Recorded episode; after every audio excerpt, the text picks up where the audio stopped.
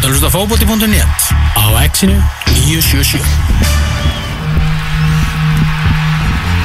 Það held ég, þeir eru mættir, ég trúi þess ekki. Útastáttur í fókbólti.net uh, hefst eh, 12.15 þennan lögadaginn þar sem að uh, umferðarstýring úr miðbænum uh, gekk ekki nógu vel. Nei, gekk ekki alveg, alveg lagðilega vel. Nei, við vorum á góðum tíma sko, við vorum lagðir vel á staða því að hérna, við vorum að hvetja þessa mm. hérna, marathon, nei 10 km hlaupara sem að Alla saman. Alla saman, Sigurbjörn Treðarsson, Baldur Sigursson Greta Sigfinnur Greta Sigfinnur Það var, uh, voru ekki einhverju fleiri sem var Ég sá ekki Greta Sigfinn. Ég sá bara mynd. Já, já, ætla hann ekki verið í Er hann ekki hálfuða marathon eða eitthvað? Veit það ekki. Hann var hann var alltaf að hlaupa bara í sko Í káartreyjunni. Já, Já. hann er mikill káringur Hann er það. vist. Mikill Þannig káringur að þetta var uh, stemming og stuð og, En hingað erum við komnir. Heldur betur, Elva Geir, Tómas Þór, Benedikt Bóas, allir mættir og við ætlum að fara yfir að helsta sem að gerist í þessari viku í íslenska fótbollanum svo kemur Jökulli Elisabethsson þjálfur í stjórnunar hérna setni hluta þáttarinn sem við ætlum bara að hefja þetta í Evrópu og breyðarblik vann Srinski Móstar 1-0 á Kópáðsvelli í vikunni sigur sem að gerir lítið þessi hörmókan í fyrirleiknum skemmti þetta inn við algjörlega en mm. alltaf að séu blikka þessum setnileik gefur Já, gott. Íslandi nú alltaf eitthvað stiga á þessum Júfa lista Já, En þetta er náttúrulega alls ekki eins og upplöðt lið og blikar letuð á líta út fyrir í, í fyrir leiknum. Nei var það ekki bara fyrri hálfleikurinn sem klúðrar uh, þessu einví í rauninni? Fyrir hálfleikurinn er Hérna sökutólkurinn úti. Já, Búið eftir eitt þriðja af hérna, einvíinu einhvern veginn þannig að- þeir er bara tóltíndu sjálfum sér í Já. þessum- í þessum fyrir En mjög stert að vinna Alltaf gott að vinna. Já, já, og Evrópa draumurinn lifir ennþá Nú eru sjö þjóðir sem er eftir að komast í reyðlakjarnina Við erum í hópi með Andorra, Möldu, Svartfjallalandi, Norður-Írlandi, San Marino og Wales. Mhm. Þetta er ekki alveg vinnahópurinn sem við viljum vera með? Jú, jú, með þetta þetta er flott land. Þetta er kósi Já, reynda skemmtileg lönd. Nú er það bara umspilið fyrir sambandstildina næst, það er bara allt eða ekkert Já, Já, ég meina ekkert lið hefur, já, ég reyndar hefur einu svona lið komist þetta langt eða þar að segja hann að komast inn í niður í reylakefni en um, anstæðingur þá var e, Internazionale di Milano sem var svona Já. kannski ég myndi, ég er svona mikið sérfræðingur en ég held að þeir séu svona tölvöður sterkari heldur en e, eitthvað strúga mm.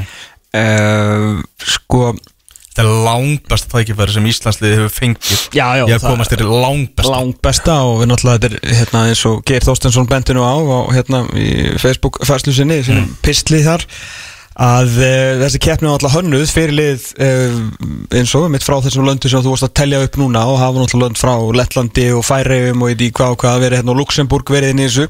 Og reyndar þú veist Írland og Luxemburg líka komist í hérna í reyla keppni Európa-dildarinnar en aldrei ég góðu sens en nú þarf hérna, nú þarf þetta breyðabliksliða að einhvern veginn að núlstilla sig sko. Ef þeir alltaf ekki ef þeir alltaf bara að gera þetta og verða hér bara ríkasta félag á Íslandi eða svona allavega fótbol, fótboltaríkasta, maður veit nú aldrei hvað er í, í sjóðunum hérna í hérna, Og hlýðar þetta hérna gett og blokkarum hérna nýr á hlýðenda jú, jú, jú, jú. en svona en þetta náttúrulega eru ævintýralegi fjármunir sem að þeir geta fengið þarna og náttúrulega líka bara mikill heiður. En þeir hafa náttúrulega ekkert verið að trenda í áttina að vinna þetta lið upp á síkastið, þeir tókur og nú eru Þetta strúkalið? Nei, með þú veist, þeir hafa bara hérna, nei, blikarnir. Þeir, hérna, Já. þeir einhvern veginn tóku setni leikin í Kaupmannahöf með sér í fyrri hálfleikin á móti hérna, hérna Mostri Nostri. Já, Móstar, ekki Móstar Já, uh, hún náttúrulega hafa bara eðurlega algjörlega möguleikana svo sem í setni hálfleiknum gegn FCK sem voru náttúrulega rosalega lélegir og voru jafnvel lélegri í hinnum hálfleiknum. Á milli þess sem að þeir uh, gerir jafntefleitna við Káa og, þetta er svona búið að vera vera bras og svo náttúrulega augljóslega einhver smá ólga á skrifstofunni. En nú bara ef að þeir ætla, sér þetta ótrúlega afreik þá verða menn bara að Brettu Bermar Engar Já, afsakanir bara að finna sig í núinu, Já. bara núlstilla sig hvað sem að það sé og þeir hafa alltaf engan tíma í móralskan það er svo stuttamöndi leikja mm -hmm. því er ekkert að mæta hérna, með tveggjata rið í sér Nei, nei. en eitthvað verða þær að gera, hvað sem það sé að líta inn á við hvort þeir fá einhverja andlega hjálp með, eða hvort þeir sé bara treyst fyrir að, að gera þetta sjálfur en þeir eru ég, ég myndi segja að þeir eru líklegri fótboltalega þáttur að ég veit ekkit um þetta strúkalið ég veit bara hversu gott blikalið er á sínum degi. Já, já. en með hvernig síðustu vikur hafa verið þá hef ég bara svona smá ágjur að þeir munu klúra þessu. Já, sko, það, það sem að það litla sem að við nú kynnt okkur þetta strúkalið þá e, er alveg hægt að fullir að það að þetta sé dauða dauðafæri fyrir Íslensk lið að komast í Európa-kemna eða reyla-kemna þannig að hérna ég er alveg sammála því það sem þú segir að sé, það séu engar afsakarnir te tekna gildar sko. Nei, ég meina þeir vinna þetta einvið það ekki á móti bútóknost með tveggja marka mun? Lið sem að breyðarblik vann 5-0 Mhm. þetta bútóknostlið uh, ég meina þegar maður skoða bara að önnur einví í þessu umspili fyrir reyðlakjarni sambandstildarnar og við sjáum bara þú veist að klubbrugge sem sló út káa er að fara að mæta Ósasúna Hákon, Arnar og félagar í Lill þeir eru að fara að mæta Rijeka frá Kroatíu að Samstedt og félagar. opnadráttina ekki, þetta er ekki Champions Path Já, já, en þetta er samt umspilið. Þetta er sama, sama dæmið. Já, Tventi að fara að leika gegn Fenebatsi Já, já, bara þeir eru í Champions Path þar sem Já. þú getur fengið svona er þetta ekki bara besti dráttur mögulegur? Þetta er besti dráttu mögulegur. Er albanska, ég veit svo sem ekkert um albanska lið eða er ekki eitt þarna annað frá Östur-Európu Þetta er svona topp þrýr, ef ekki bara topp eitt dráttur. Já, Breiðablik hefði ekki getað verið hefnar mannstæk Það er bara þetta fullar þá Og þetta strúkali get, má ekki einu svona spila á, á heimavelli sínum sem er svo langt frá því að vera löglugur Ég er búin að sjá Hvað er þetta bara valbjörn eða? Já, bara verra en það. Nei, Jú, jú. það er þetta ekki hægt Það er bestu völlu sögunar þetta er bara hrikalegu völlur og þarna bara e engan hátt löglugur þannig að þeir eru að spila á hlutlusum velli í að bara, bara hjálpar enn frekar Mhm. það, er, það er klárt mál og meðan blika fá að spila í þessar umferð í, í, á Kópavásvöldunum Já, sem er alltaf alveg frábært. Stapfylla hann, önduði lights, Európu kvöld og hérna eins og segi, bara svolítið að núlstilla sig og finna sig aftur og þá, þá fara þær í gegnum þetta. En þeir fara ekki í gegnum þetta eins og þeir hafa verið að spila og bara, já aðalega að spila og svona kannski þetta and skástrík vonleysi sem hefur verið í framistöðu þeirra hinga til, reyndar ekki síðasta leik. Þú veist, þeir gerðu vel í að koma tilbaka. Auðvitað getur maður ímyndað sér það að þarna Mostri Nostri hafi verið væga Já, sagt í hlutlusum eftir stórsigur og undan. En taka þá eins og þeir tóku setni hálfleikin með FCK inn í fyrirhálfleikin á móti hérna, í síðustu umferð taka þá setni hálfleikin, þeir taki setni hálfleikin núna inn í fyrri, hálfleikin, fyrri leikin og bara gera þetta svolítið þægilega. Já. Já, Það er náttúrulega smá svona, þú veist, að því fyrrileikurinn er úti, sko. Ég hefði viljað bara fá kópásleik. byrja þar bara, Byrja þar. bara put the fear in them. Já. Og bara vera vill- með 5-0 vanalega eða eitthvað. Vanlega vill mann hafa þetta öfugt. Veit það var það. samt svolítið í útivallamarka Mhm. pælingunni sko. Ég held að þetta sé ágættis pælingi að það hefur verið rosa kósi bara að pakka það saman hérna. Já, og fara bara út með, þú veist, og vitandi hvað þú ert að fara að fá og, og þú veist, út að spila á einhverjum velli. Uh, sko veitir hvað það eru að heimavöllurinn þeirra, hann er ólöglegur og þjóðarleikvangurinn í endurbyggingu. Þannig að það er eitthvað weird völlurinn sem að við erum að fara að spila á eða blikarnir eru að fara að spila á. Já, já. Og hérna, þú veist, hann getur verið hvernig sem er, sko. Þannig að hérna Ég held að það hafa verið nokkri vellir sem að koma til greina og UEFA valdi þennan völl.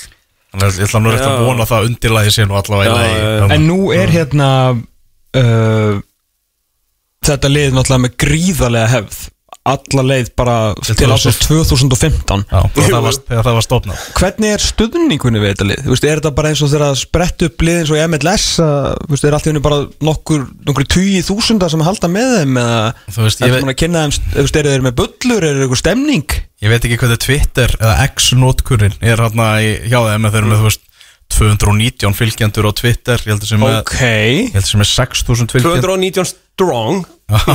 219 yfir þá 8 ári stopnun þannig að þetta er ok, ok Mhm. ná þúsundur fyrir næsta, næsta ár þúsund. Já, þeir eru með 6000 manna, uh, 6000 fylgjendur held ég á, á Instagram, minnum að, sterkari þar. En þeir eru bara með, þú veist, 800 manna völl.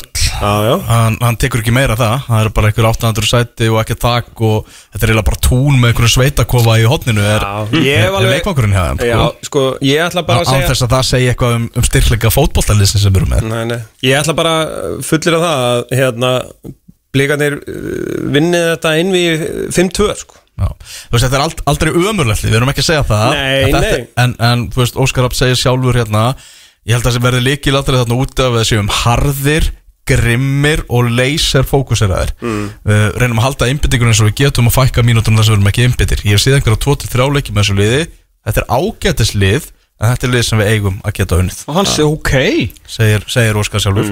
Flott. Þannig að þú veist, það engar afsakanir fyrirfram og, að, en þá þurfa náttúrulega blikarnir að vera í gýrnum sem þeir hafa ekki verið í svolítið upp á síkast finna sig aftur. Já, þeir samt hafa sínt okkur að þeir eiga þennan gýr inni, ég menn eins og síðustu leiktið voru þeir oft, hérna, eina af ástæðan fyrir því að þeir fóru yfir þröskuldin eftir að hafa klikkað 21 var náttúrulega að þeir bættu þessu í opnumbúru sitt að vera bara svolítið harðir og mæta liðum í baratunni og tækla og smá djúvulgangur.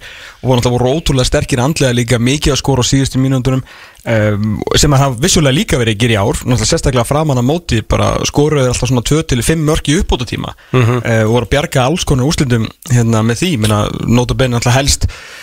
mörkil djúftinu upp á tíma út í vikingi í tvönu lundir sko. Þannig að þeir hafa verið sýnt okkur þetta og nú þurfum við að finna þetta svolítið aftur og ekki láta þú veist líka þessa hvað var að kalla þetta, allavega fréttir skástur ekki okkur á olgu hérna inn á, inn á skrifstofunni sem allavega geta koma þeim við. Mm. bara reyna að halda þessu öllu fyrir utan og fara bara í þennan leik og, og vera bara þú veist þessi þeir eru sem er allavega mjög gott fótballtilið á sín degi. Já, já, eiga bara Þú veist, það er enga, bara áfram Já. Inn í riðlana Með ykkur Til hamingju Anton Ari búin að vera í svona, hvað getur ekki satt bara andlegu fríi í síðustu tvo leiki bara svona aðeins til að geta núlstitt sig. Jú, mun starta á, á sunnudaginn þannig að þetta er hérna, það er ekki búið að setja hann í, í fristin þannig að eftir hérna hann er ennþá markmann nummer 1 hann er ennþá markmann nummer 1 og Óskar er búin að útskýra það bara og hann startar á, á, hérna, á sunnudaginn. Er þetta, hver er síðast er síðasti leikurinn sem hann spilaði hérna, þegar Óskar fór og, og heldur sér yfir hann á hliðinni? Nei, það er vantilega fyrirleikurinn á móti Móstar fyrri leikurinn á móti Óskar, já, Já. þar já, eftir það þá kom Brynir í markið. Já. emitt, emitt, emitt hann er bara að spila, spila síðustu tvo leiki. Við erum að tala um þess að Ólkubaku tjöldi er náttúrulega stóra fréttir í gær. Óli Kristján, sigumæður fótbollamála hjá Blikum búið að segja honum upp. Það er á þryggja mánu uppsaknar fresti núna og starfar ennþá fyrir félagið. En eh, já, Flossi formaður tala um það að þetta sé svona endurskipulagning bak við tjöldin hjá, hjá Blikunum. En eh, gott svona Reykjavík og borgarsvar Já, nákvæmlega, smá, smá politíst en en tala, veist, það er bara búin að vita mál og það allir talað um það og það vita allir innan fótboltans að, að samstarf Óla Kristjáns og Óskar Hraps hefur bara enga veginn gengið í sumar. Nei, nú margir sem að svo sem, svo sem spáðu þessu Já, já. Þetta myndi gerast Þetta svona, svona karakter að myndi ekki ekki fungera uh, samt svona að þú horfur aðeins tilbaka ég meina, veist, Óli Kristjáns vantalega ber uh, sem hefur maður knarsbyrnumóla já, vantalega, maður vil svo sem ekki vera að gera honum upp starfstitil en, en svona að hann alltaf er meiri struktúr fyrir allt félagi þó að þetta komið að mestrarfloknum en eins og með transfers og svona, veist, er hann ekki hann er alveg djúpur í því? Hann veist það sýtur að vera, allavega er Óskar Hraps ekki til því með það sem Nei. Óskar segir í viðtölum. Góða punktur, þannig að það er ekki eins og Óskar ekki það geta verið eitthvað allt og pyrraður út í hann með liðstyrkin fyrirmót ég meina þegar var ekkit lið sem að fekk sér marga fótboltakalla og breðablík og meira þess að var ekki Hörður Snævar að segja það um, um daginn að þeir voru komnir í yfir budget og þá voru hérna tveimur mönnum bætt við þannig að það var allan að reynda að gera að, allan að virti svona outside looking in eins mikið fyrir Óskar og þetta lið sem hægt væri til þess að verja Íslandsmeistaratitilinn og, og gera jafnvel eitthvað meira, fara lengri byggar og, og eða það sem þeir eru að gera í Európu núna. En, hérna, en það er svo sem allir búin að vita það lengi og þetta er náttúrulega veist, það sem er reykur það er eldur og það er búið að reykur rosalega lengi. Þannig að hver maðurinn á fætur öðrum sko alltaf nær og nær og alveg inn í blikana sem að þú veist er farin að segja manna þú veist þetta er bara mikið í gangi hérna baka tjöldin. En allir þeir sem að hafa verið eitthvað að spá því og, og pælt í því hvort að Óskar Rapp geti verið að fara en hvort að hann er látin fara því að svona, veist, ég held að svona, það er ekkert eitthvað allt í, í himnalagi hérna á, á bakutjöldin þá hef, ég allan sagt það sem að ég, mín tilfinningu verið ekki bara tilfinning það sem var sagt við mig á sínum tíma að þeir sem að ráða hérna, eins og svo sem kristallast ekki er Já, saman hvort að það séu fleiri eitthvað staðar innan Kópó, eða fyrir ekki innan Kópó svona breðablík sem að er einhvern veginn veist, þreyttir og óskari hvað, veist, hvað sem það sé sangjandi og ósangjand með hvað hann er búin að gera fyrir þetta félag og lið að þeir sem að ráða þeir eru óskarsmenn þannig að þú veist það, er engin upp að virði sem svo mér varst þetta eða skýrast þetta dæmið sem fer upp á móti hérna Óskari og lifi það af. Því að það eru topparnir þarna sem að fenga fólk gróttu, það er topparnir sem vilja hafa þarna og svo spyrðu þið líka hvað hérna hvað ætlar að gera, ef þú ætlar að velja yfirmann knarsbyrnumóla eða einn af þremur bestu þjálfurum á landinu Ég meina, yfirmaður knaspinu stað, var staða sem var ekki til hérna fyrir 2-3 árum og meina, Ólafur Kristjánsson gerir breyflisliða Íslandsmeisturum löngurna og búið að fatta upp á hugtækinu yfirmaður mm. þannig að það er hægt, ég er ekki að gera lítið úr starfinu eða stöðunni og ég vil að öll liði séu þarna. Ég bara segja, ég held að sé auðveldara að leysa Óla Kristjáns af, mm. ekki hann persónulega heldur þá stöðu, heldur hann að finna er það sem að Eisteinn Orri, sem ég held nú að sé vantalega eitthvað með puttan í áfram í þessu uh, og þeir sem að ráða þarna er að pæla.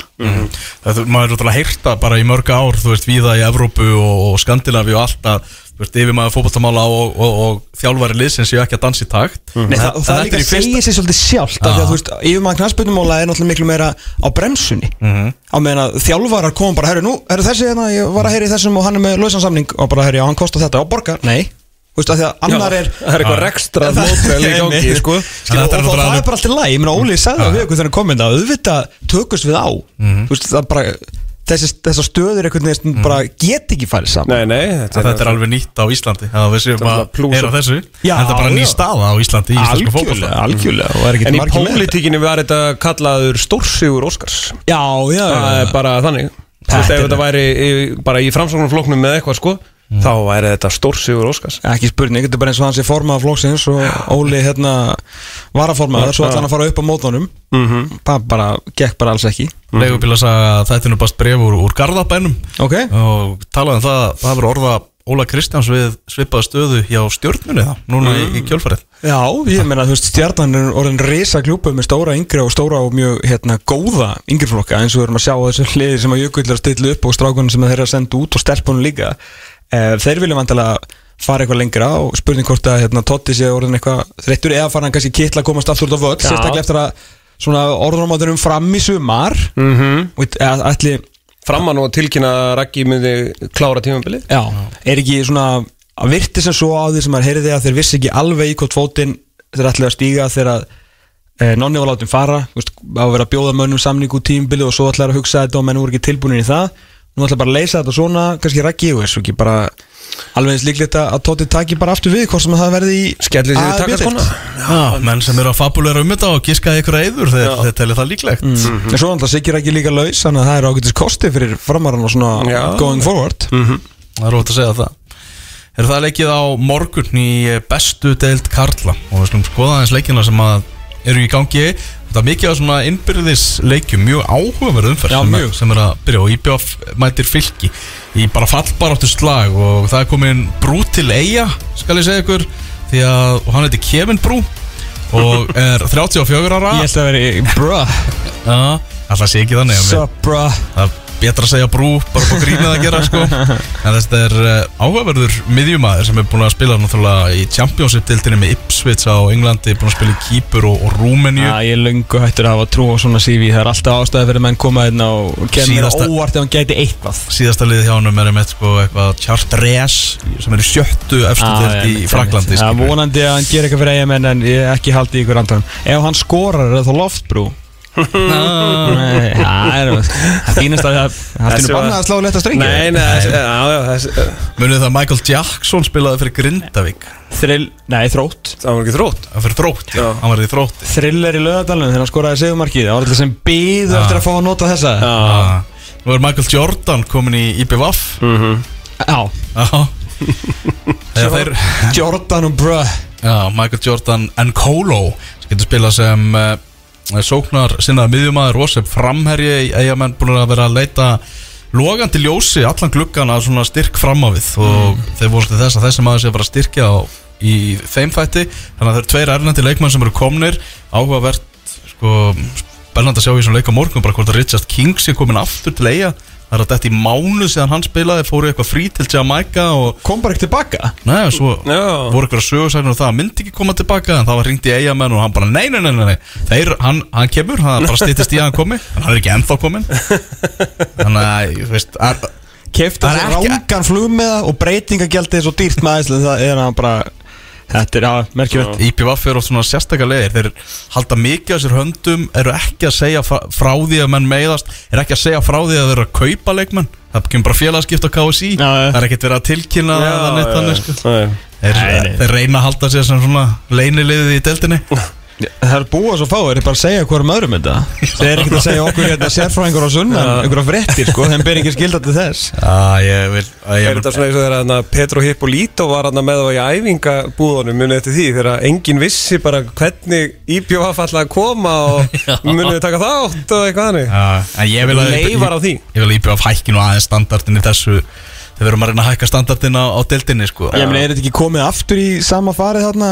Ég, hérna, ég fekk langt bref eftir þjóðháttíð sem að menn voru mikið að ræða þetta í BF-lið og það svona verist verist að svo að það stefni í svona svipaða látið þarna fyrir bakutjöldin. Það er að segja svona stemningin fyrir liðinu og, Já. og nú náttúrulega er ekki Muffins að hætta og hann náttúrulega eitthvað, sig tilbaka svona eitthvað. eitthvað aðeins að draga sig tilbaka hann náttúrulega verið mjög svona svolítið kyrt þetta upp undanferðin ár. Svona mikið, einmitt reynda að senda tilkynningar þegar að vera að sæna einhverja leikmenn og, og aðeins svona láta vita af liðinu. Og þetta var svo sem fjárfest alveg vel í þessu liði en maður, það var umræðan um fótboltana í IBF á, á þjóðutíð uh, hún var svona ekkert alltof jákvæð heyrði ég og menn svona höfðu ágjör að þetta væri aftur svona að fara að detta í smá okkur er eiginlega alveg sama sko. Ég meina að þú veist Það er, virðist allavega sem, vera sem eiga skeggja sig eitthvað lítið að tengja við þetta lið. Já, ég meina á sama tíma og, og stelpurna voru deildar og held í byggameistarar og fóru í úslitina, undanúslitina í handbólta kvenna og strákarnir jú Íslandsmeistarar. Mm -hmm. pendullin Hann hann sveiflast í harpiksið Já, vægast sagt sko, þar er, er, er stemningin sko. Wow. Og miklu meiri, það er miklu svona starri karakterar og meiri svona þjóðhetjur í eigum sem að eru hann í kringum handbóltan sem ná að keira það betur upp sko. Já, m- vonast til þess að eiga menn að þeir hafi styrt sig í þessum glugga en það er allavega nokkuð ljóst að fylgismenn veiktust í glugganum. Eftir að hafa mist sinn besta mann, Óskar Borgþórsson glugganum náttúrulega var loka núna í, í vikunni. Og það kom enginn inn ég ber alveg verðingu fyrir því að þeir eru búin að standa fastir á þessu að þeir ætla að fara inn í þetta mót og spila þetta mót með þetta lið. En mér finnst alltaf að finna eitt kall þegar besti kalliðin fer. Já, Þú veist, það er ekkit eitthvað að víkja frá prinsipun finnst mér. Nei. Mér er bara besti sóknarmæðurinn og líklega bara besti leikmæðurinn í liðinu. Er það eitthvað ofsögum sagt? Er hann ekki, ekki búin að vera bestur í fylgisliðinu?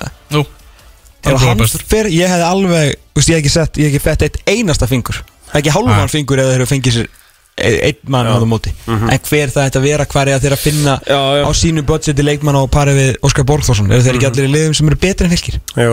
Jú Eru framættir Káa Káa með náttúrulega búin að kveðja Evrópu eftir þetta tap á móti klubb Brugge miklu betra liði sem, að, sem þeir mættu þar.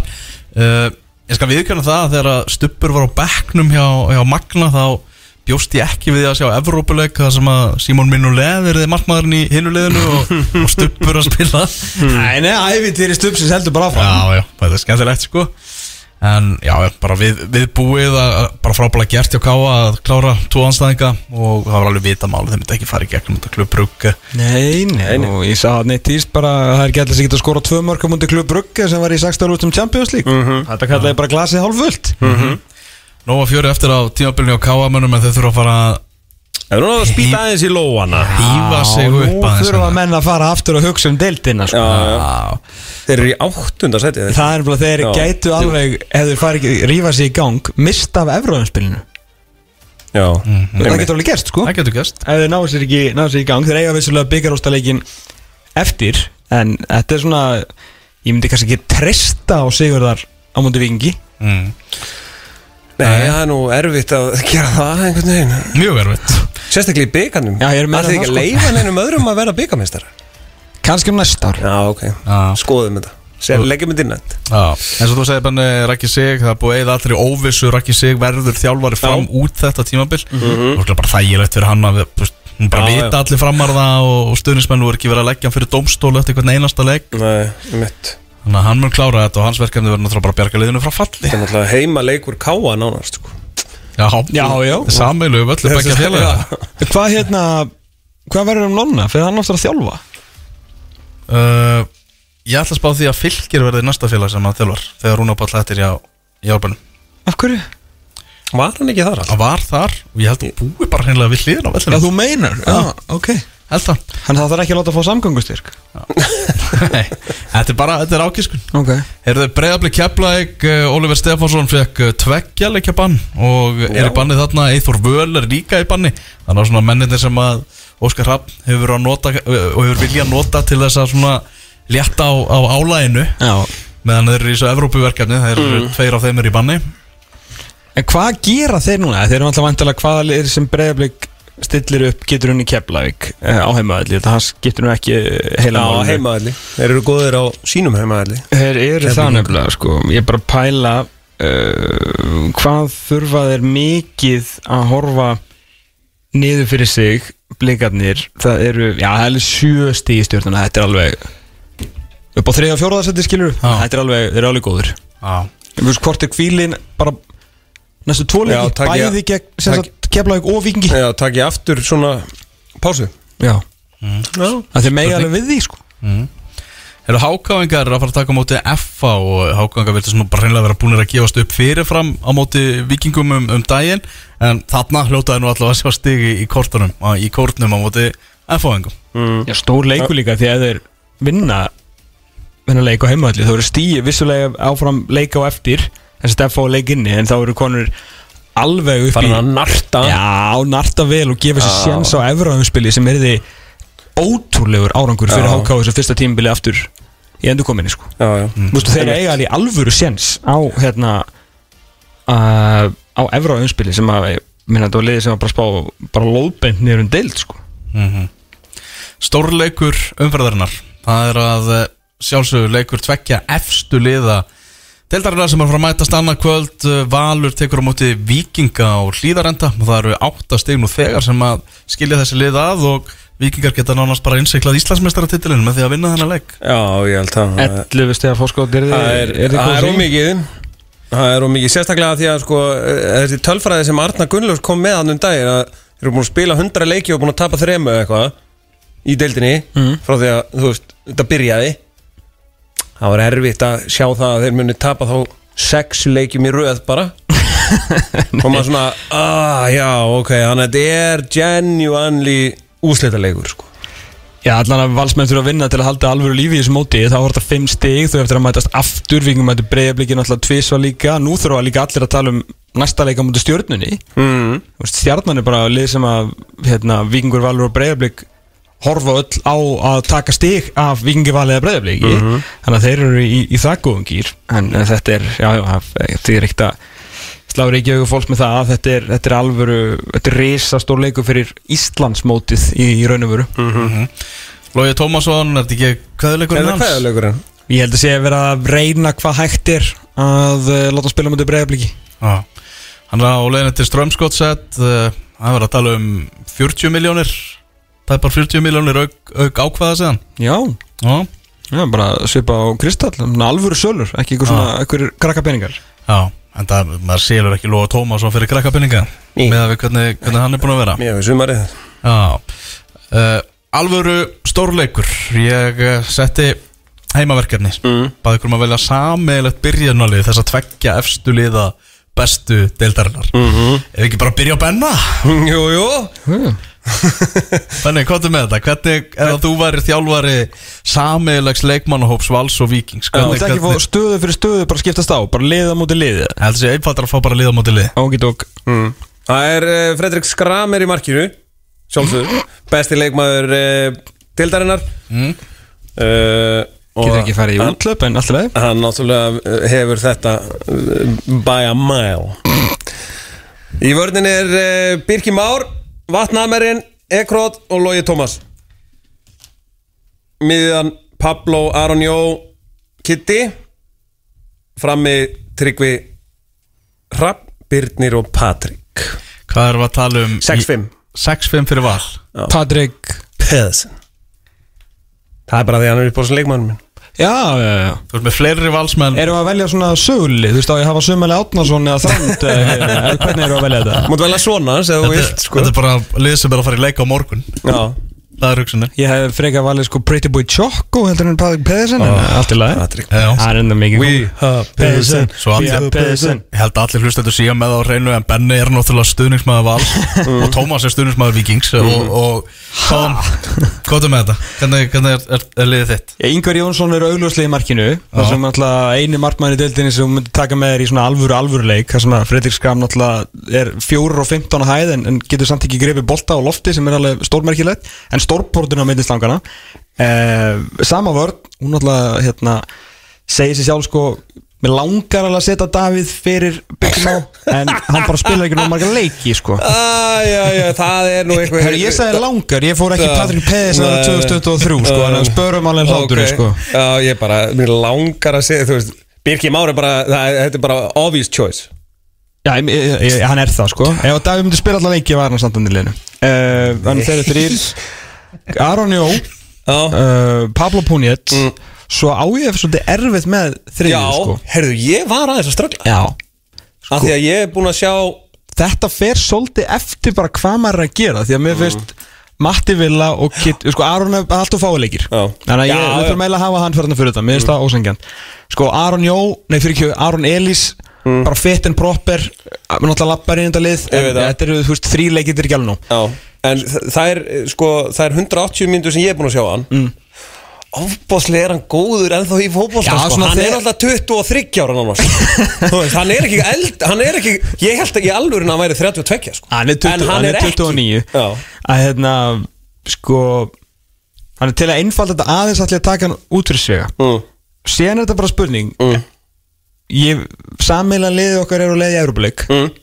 Þá er Matti villinni Já, Sammeila liðið okkar er á leiðinni bara þú veist í solid deltaleik Já. Þá er Kittir, ég þetta er gríðalegu kittamæður sko. Og ég held að Pablo, Aron og Kitti er þið svona Það er rosa gott Þeir eru svakaleg með. Já. Þannig að þetta er hérna, þetta er svona Veit að mínu mennur ekki ánægð með mig.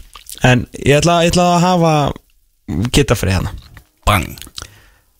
En býta hans Þá kemur að fremstu þrem. Já, fram er náttúrulega augljóslega besti frammenn í deildinni sem er Nikolai Hansen og þetta er náttúrulega nánast ómarktækt lið að vera ekki með hann í liðinu. Mm. Betur en Emil Allarsson Þetta er alveg spurninga Já, þetta var umræða sem var í stúkunni Bara síðast að þetta Emil Allarsson, Emil Atlasson Hvað Hvað- hva, vitleis er þetta? Þetta er bara var þetta sagt í sjónvarpinu? Já, menn voru að tala um þetta. Hann er alltaf, Emil Allarsson er heitast hann í Já, já, já. Heitur það ekki, það er fullt af honum sem getur verið heitir sem bara hvort það búin að vera bestur yfir þrjú ár. Níko Óluslega frammi, Birnir eh, hérna, Örgóru megin Birnir Snær Ingarsson og, og Tryggver Halsson hinn menn. Mm. og maður bara velja, velja ykkur kanta með Hvernig, hvernig, hvernig fer þetta þá hjá þér? Fyrst að Er ekki 6-5 með það? Var ekki akkurat? Þannig að það er bara 6-5, 6-5 Já. Þetta er uh, Ég var með, all- ég var með Yngvar þrjá í vördunni, það eru fjórir Pablo 5 Nei, 7-4 var mér ekki? Yngvar þrjá í vörduna, það eru fjórir. Mm. Pablo 5 Birnir Níko, 7-4 7-4 Ok. Þeir eru jú með áttast eða fór sko Þannig að Já, þetta er- alltaf ég skil það alveg sko. Já. En þetta er algjör hlutkesti samt á milli Yngvars og Skram. Það er bara þar hérna, já, þetta, já, já veist, Við, Ég- við ég getum vel alveg- farið með báða í markið Já, já. í, í stóra leik Ég myndi sko. alveg treysta yngvari til Já. að fara í, í, þennan Evrópuleik sem við erum að fara Já, í já og, hérna, og ég myndi alveg treysta uh, Aron Elís til að Já, já, já, taka stöðu kitta Og og og ég myndi alveg treysta Patrik að vera í staðin fyrir Níko sko Ég myndi líka alveg treysta Hólmar Erni fyrir Ekróð sko Já, og það er já. alveg, Þetta eru Þessi fótballtalið búa yfir ansið miklum gæðum svo, Mhm. Nei, heyrðu Jú, ok, ég ætla ekki að gera allt vitlisna Nú Æ, þú veist náttúrulega því að Einn besti leikmann í deildir er alltaf varamannabeknu á vikingi og það er náttúrulega að gera okkur algjörlega geðveika. Ari Sigurpáls. Já. En hann kemst ekki í startið. Það sem hann er alltaf á bekknum í Arnari Það er ekki hægt að velja. En á bekknum er Ari Sigurpál Hann kemur inn á 70 og skora 2 Já.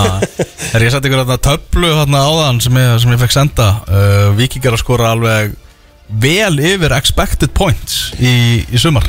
Expected goals.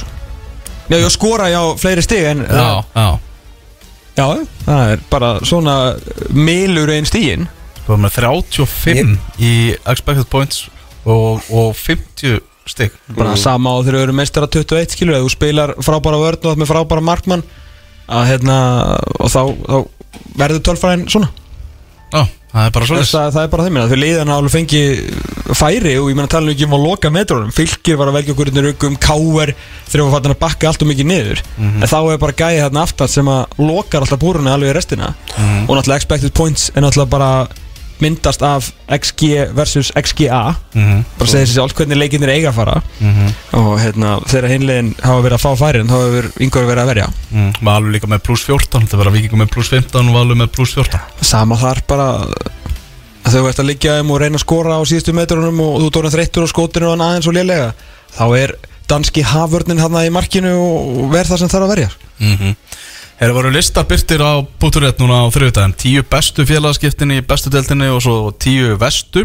Og uh, í fyrsta seti við tíu bestu Gunnar Vatnamar Það er einhverjum? Neyðarkaupin. Neiðar kaupin eftir að kæma klakkan.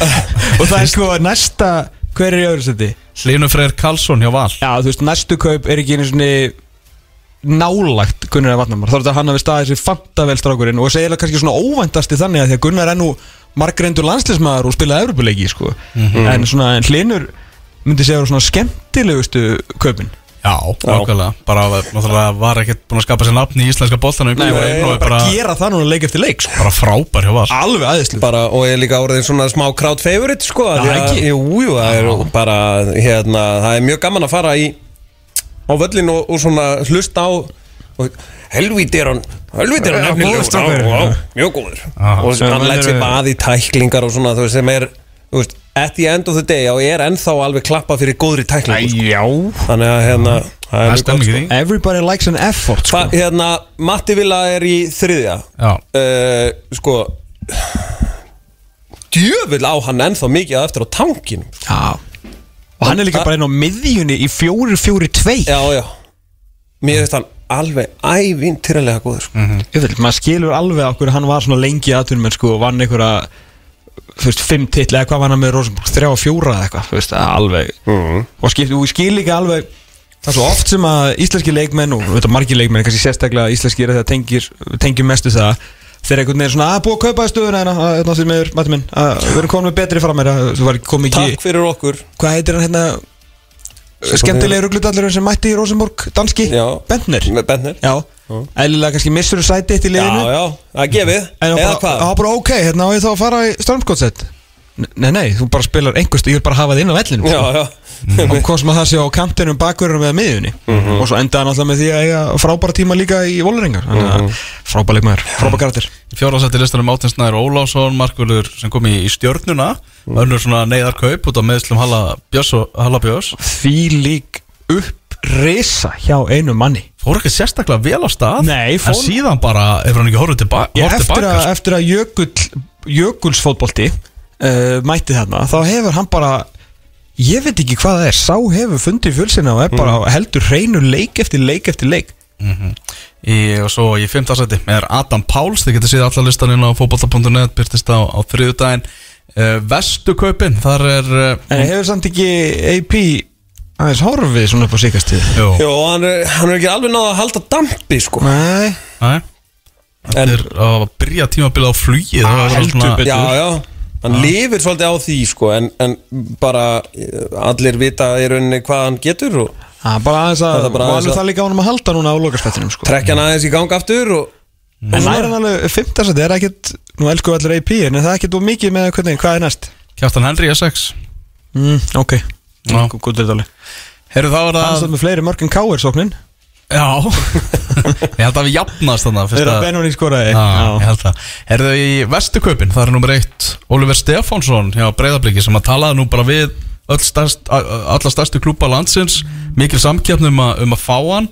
Uh, talaði um það að hann svona þénin og ansi vel í, í, kópáðunum Já. En þetta hefur því miður ekki verið að ganga vel hjá hann Nei og þess að heimkoma hans því miður örfættur hérna miðurur og það var ást það sem ég heyrði þegar þessi lið voru að tala við hann í, í vor og bara náttúrulega örfættur miðurur sem að er náttúrulega uh, gulls í gildi í, í nútíma fótbolta uh, Stór. stór, sterkur bara- og líka bara menn sko elska já. bara hérna sonu pappasins og, og alveg skamaður þannig að uh, þess vegna er hann að fá greitt eins og hann er að fá greitt en ég meina fyrir utan þegar hann tók vikingarna og barði það eins og harfisk eitt sinns liðs í annar umfyrinni á síðustu leittíð Æ, menn, það er ekki svo tímbilið hafi verið í takt við það hjá honum. Nei, nei, hann var valinn, hann var valinn hérna leikmaður ársins nánast bara út af einni tæklingur Já, það var svolítið þannig. Það var eitthvað umferðar sem hann ekki alveg ásins ah, okay. en Það var mikil meðan látið mikið og- með að látið en þetta er komið rúmt ár þar sem hann er bara búin að vera í algjöru til bölvuðubrasi. Í öðru sætti vestu kaupin Ólaf Öpi, norski miðumæður sem kom í Vesturbæðir Vöð á himnum hvað hann er að vera Greið maður. Það sem ég held að Freyristaðarar séu ánæðir að vera með Július Magnússon inn á miðin í staðin fyrir hann. Já, Ha? Já, hann gerir ekki og svo líka þegar menn eru komnir í svona spíral þá bara geta ekki gert neitt rétt. Nei, hvernig þetta gat, meina þennan steg ekki út í hvernig gat miðjumæður spilað framherja rángstæðan þegar allir hinir í varnalínu voru bara að stígu upp? Mm Mhm. -hmm. sopnaði hann í miður leik.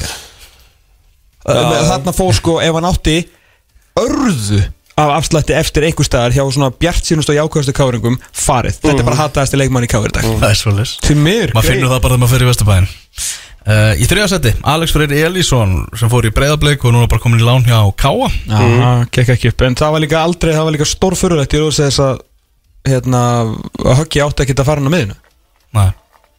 Þá bara botnaði maður ekki neitt inn innu Fjóra seti, Jordan Smiley sem að voni voru bundna við í Keflavík og hann er bara farin í hauka.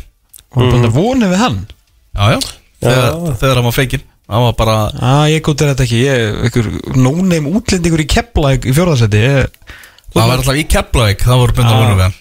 Í fymta seti, Sindri Kristinn Ólafsson uh, markverður F-fáinga Herru, hann á að vera í top 3 Samkvæmt Hann er tölfræ- lélegasti markmann í deildinni Og nú er þetta ekki persónuleg skoðun. Samkvæmt tölfræðinni. Sangu tölfræðin er þetta lélegasti markmann í deildinni. Já, Sem hann er ekki sko Ef fyrir ekki Ég hefði, ég hefði sett hérna Filip Valensis aðeins ofar.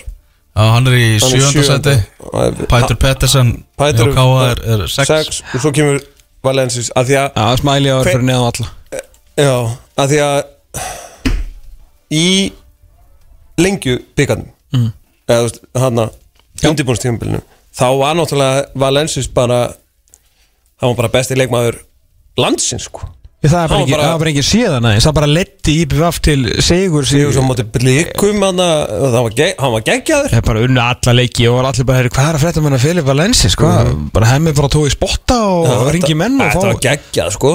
Heyri, það er eitt leikur þar sem hann hefur spilað vel í sumar. Aha. Það sem, Nei, ég er að spyrja, hefur, hefur eitthvað tíma sagt bara. Já, Filip hann áttir þetta fína leik. Nei, Það er ótrúlegt sko. hann var rosa flottur hérna í Prísisson Já, geggjað sko. Herra þetta, ég glemt að nefna náttúrulega mánudagsleikin Stjarnan Káar á mánudaginn. Við förum nánar í hann á eftir þegar Jökull mætir. Mhm. uh, En ég fekk hérna skilabóð frá einum þekktasta stjórnumanni uh, landsins sem segir hérna Óli Kristjáns í 210 er klárlega það fyndnasta sem ég hef heyrt. Og, og hlæju, hlæju kallar. Þannig að hérna Se- Segðu þetta þurr að Óli Kristjáns er að mæta sig að finna sem hann heyrt Sem er að finna sem hann hefur heyrt. Ok. Já, þetta er, ég sagði, þetta er leigubílasaga. Já, já, þær eru líka oft mjög finnar. Það er geta verið fyndnar og skemmtilegar. Og þessi er það svo sannarlega. Já, Þetta er svona spilað eins og síðast. Það eru fimm leikir á morgun Og svo eitt leikur á mánudaginn. Eh, Kíkjum aðeins á lengjudeldina Þess að var heil umferð spiluð á Já. miðvikudaginn Þar sem að Ía vann ægi 4-0 ægismenn með Íslands byrjunarlið sem átti ekki möguleika á mæti Viktor Jónssoni og, og mönnum hans. Eh, Viktor komið með 17 mörg í deildinni. Ég meina, hann bara á þess að deild Hann er ekki fyrsti skagamæður sem skora mikið í B-deild Þannig að Við ætlum bara Það er spurning hvort hann haldi sig bara þar. Ef, að skæin fer upp Hvort hann taki bara hjört hjartar á þetta Og verði bara alvöru B-deildar málalið. Skori bara 15-20 mörg á tímbili Komi hverju leiðun og fætur upp Fá bara vel greitt fyrir sín störf En verði bara, verði bara þannig sinni Já. En Grindavík fyrir ekki upp, hvað heldur þau var tilbúin að borga fyrir Viktor Jónsson á næsta tímanbili? Fjóra fiska. Fjóra fiska. Af fimm skru Þessi, sigur skagamanna, þessi þriðji sigur rauk er að verkum að þeir eru einu stíu eftir afturöldingu sem er að Það er voru bara allir og meðal annars við Búin að segja, er ekki sénsir fokkis upp? Já. Herru, nú er bara alvöru skjált í njánum Ekki fjóri leikir í röð? Í Mósusbænum Er þetta ekki fjóri leikir? Án Sigurs? Já. Jú, Herru, og næstu þrýr Og förum yfir næstu þrjá. Það eru sjóðheiti njarvíkingar mm. Sjóðheiti leiknismenn Mhm. Og og fjölnir. Og mjög gott lið fjölnis. Já, í gráinu Á útivelli. Já, Er þetta ekki síðustu þrý leikindur í deildinni? Já, ægi líka. Ekki Þetta er bara næstu leikir sko. Það er bara Njarvík afturölding, afturölding, leiknir Fjölnir Svo- svo er Ægi og Þrótt. er ægi og þrótt. í síðustu tveimleikunum Ok, en hvað á skæi núna í næstu þremur? Eru þið skæin á, á þróttarana? Sigur. Skæin á Selfoss. Sigur. Skæin á Þór. Sigur. Skæin er- á Akureyri Skæ- ah, Skæin á Njarðvík úti. Erfitt. Og mæta gróttu á, á heima í síðasta leik. Ah. Þetta verður rosa Rosalegt. Þetta er rosalegt. Ég held að ég ráðist ekki fyrir henni lókum fyrr Ég held akkurat At this moment in history Moment in time Skæin takk þetta Þú heldur það? Já. Já. Já. Það er rosalegt. Ég ætla að segja afturölding Sigliðis á endan Hvaða reynsla er í þessu afturlendingarliði að segla svona hlutum heim? Rasmus Kristjansen Rasmus, stórt, já. Já. Þetta var ekki gaggrinni, þetta var genuine spurning sko. Rasmus, uh, Veit ekki hvað ungi strákar hann Ég veit maður svo sem ekki hvað markmann hefur gert á sínum fæðin Hann alltaf áhust á stóra leikir alltaf Já, búin að spila í úkransku úrvasteldinu Já, ok, hann, hann hlýtur að hjálpa til mm -hmm. Svo er náttúrulega mikið ungu strákum Ungur þjálfari mm. Góður þjálfari en hann er ekki verið í þessari stöðaður Mhm. Já Hinum með eina svona aðeins meiri Þetta er svolítið nýtt fyrir Já. þá Það verður að segjast Aðeins meiri hefð líka upp á skaga og svona Þetta Það er þið rosalegt myndi ég segja ef afturhalding er rosalegt. Jú, mér myndi finnast það rosalegt þið myndi klára þetta úr þessu. Með hvernig þið hafa verið að skrika fótur ef þið ná sér aftur þetta stað er þið mjög impressið fyrir allan hópin og makka Mér finnst sko maður fyrir mann þá finnst mér afturöldingalið betra heldur en skagalið Já, en það bara oft skiptir ekki öll Það er alveg rétt. Það Var eftir ekki leikminnslið 70% boltan í síðasta leik og Tapaði hann mútið skaganum? Ná, var þetta á Grindavík. Grindavík? Já, húnu skagan 5 eftir daginn kallar menn Já, það er þetta rétt. Eruðu vestri afturölding 2-2 þar sem að vestri tapaði nú tveggja marka fórustu aðal umræðafni þann, eftir þannleik er þetta rauðarspjald sem Áskir Frank átt að fá. Klárlega. Sástu þessa tælingum með það? Já, nei.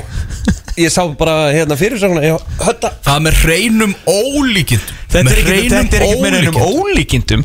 Maggi er búin að vera með dómarna á námskeiði eftir einasta leik í þrjú ár auðvitað dæma er ekki neitt. Það er með ólíkindum að hann ekki gefið raut Ég með þú veist, e- elsku kallinn sem var að dæma hennar leik öruglega ekkit allir sem voru að keppast við að fara vestur í hennar leik og mannekla og eitthvað en það getur ekki verið að dæmi í næstu umferð, þú veist, þetta er ekki hægt. Guðmundur Páll, heitir hann.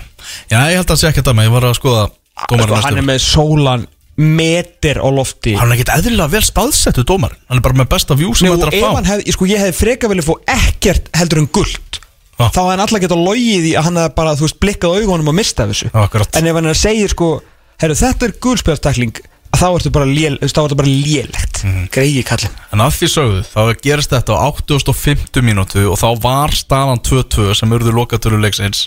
Þannig að það er ekki hægt að segja að það hafi verið dómaranum að kenna að vestri var mistið þetta niður tveggja marka fóristu í, í Nei, þessum leik? nei, nei, var, var það punktur eða bara hvað hann hefur dæmt í það? Var ekki Maggi líka brjálaður út í hann? Þú veist, átti hann ekki Jú. mjög slangan leik? Sæðan okkar mann á vellinum þá átti afturhalding að fá víti í þessum leik sem þau fengu ekki. Ok, ekki búið að klippa það neitt eða? Nei, En svona er þetta, þú ert bara að spila í B-delt og þú veist, þú ert ekki alltaf með L.A. Eriks og flötunni? Nei það er þannig En, en þetta var bara mest að rauða Já, spilt guð guð minna almáttur og sem þýðir náttúrulega Áskif Franka ekki verið í næsta leik sem er stór fyrir þá og hann er stór leikmaður þannig að þetta hefur þetta allt áhrif. Mm -hmm. kannski hefði meira áhrif á Skagan en úr Já, er Selfoss tapað fyrir Njarðvík 2-3 Selfoss tapað þremur leikjum í röð eftir að hafa unnið þrjá sigra í röð.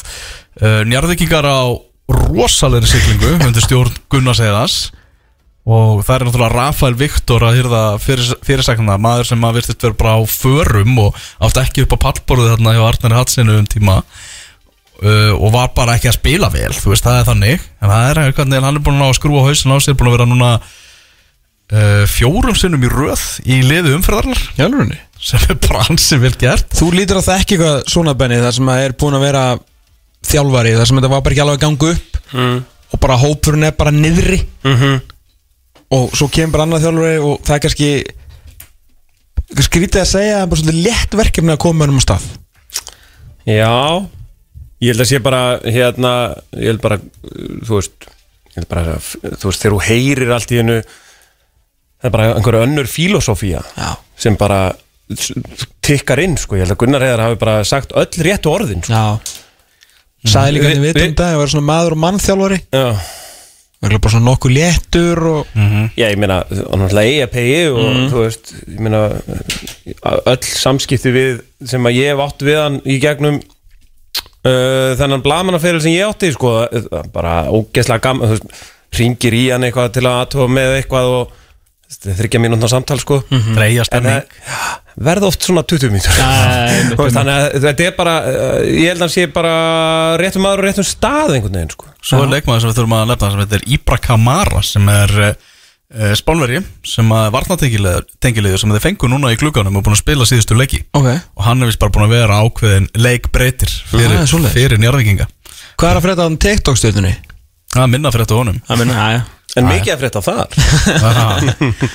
Heyrðu, Já, Grindavík vann leikni 1-0 Brynja Björn fara vel á stað með Grindavík. Mm. En eins og þú sagðir, leiknir sem er 70% með boltin í þessum leik og miklu herra XG Spil, spilaði bara býstna vel í þessum leik en fóru illa með, með færin sin Það er erfitt að hérna, sko, þetta er eitthvað svo skrítið ábyggilega eftir svona leik þú ert einhvern veginn svona, ha? Hvernig töpuðu þessu? Fyrst er Þú ert ekkert endilega full, sko, þú heldur bara áfram. Já, þetta er framhald af því sem að leiknir er búið að vera að gera upp á síðkastið mm. Þarna bara fjallu úslitin enga veginn með þeim. Mitt Bara færa nýtingin slögg En grindvikingar náðu að, að halda þetta út Það er- er erfitt að lenda, á, lenda undir á móti grindaðeg Já, já, Grindavíkur eina von. Símon Lógi Þassapong Já, með, með markið. Já. Já, það er svona komið meira sjálfströst í grindvikingar núna.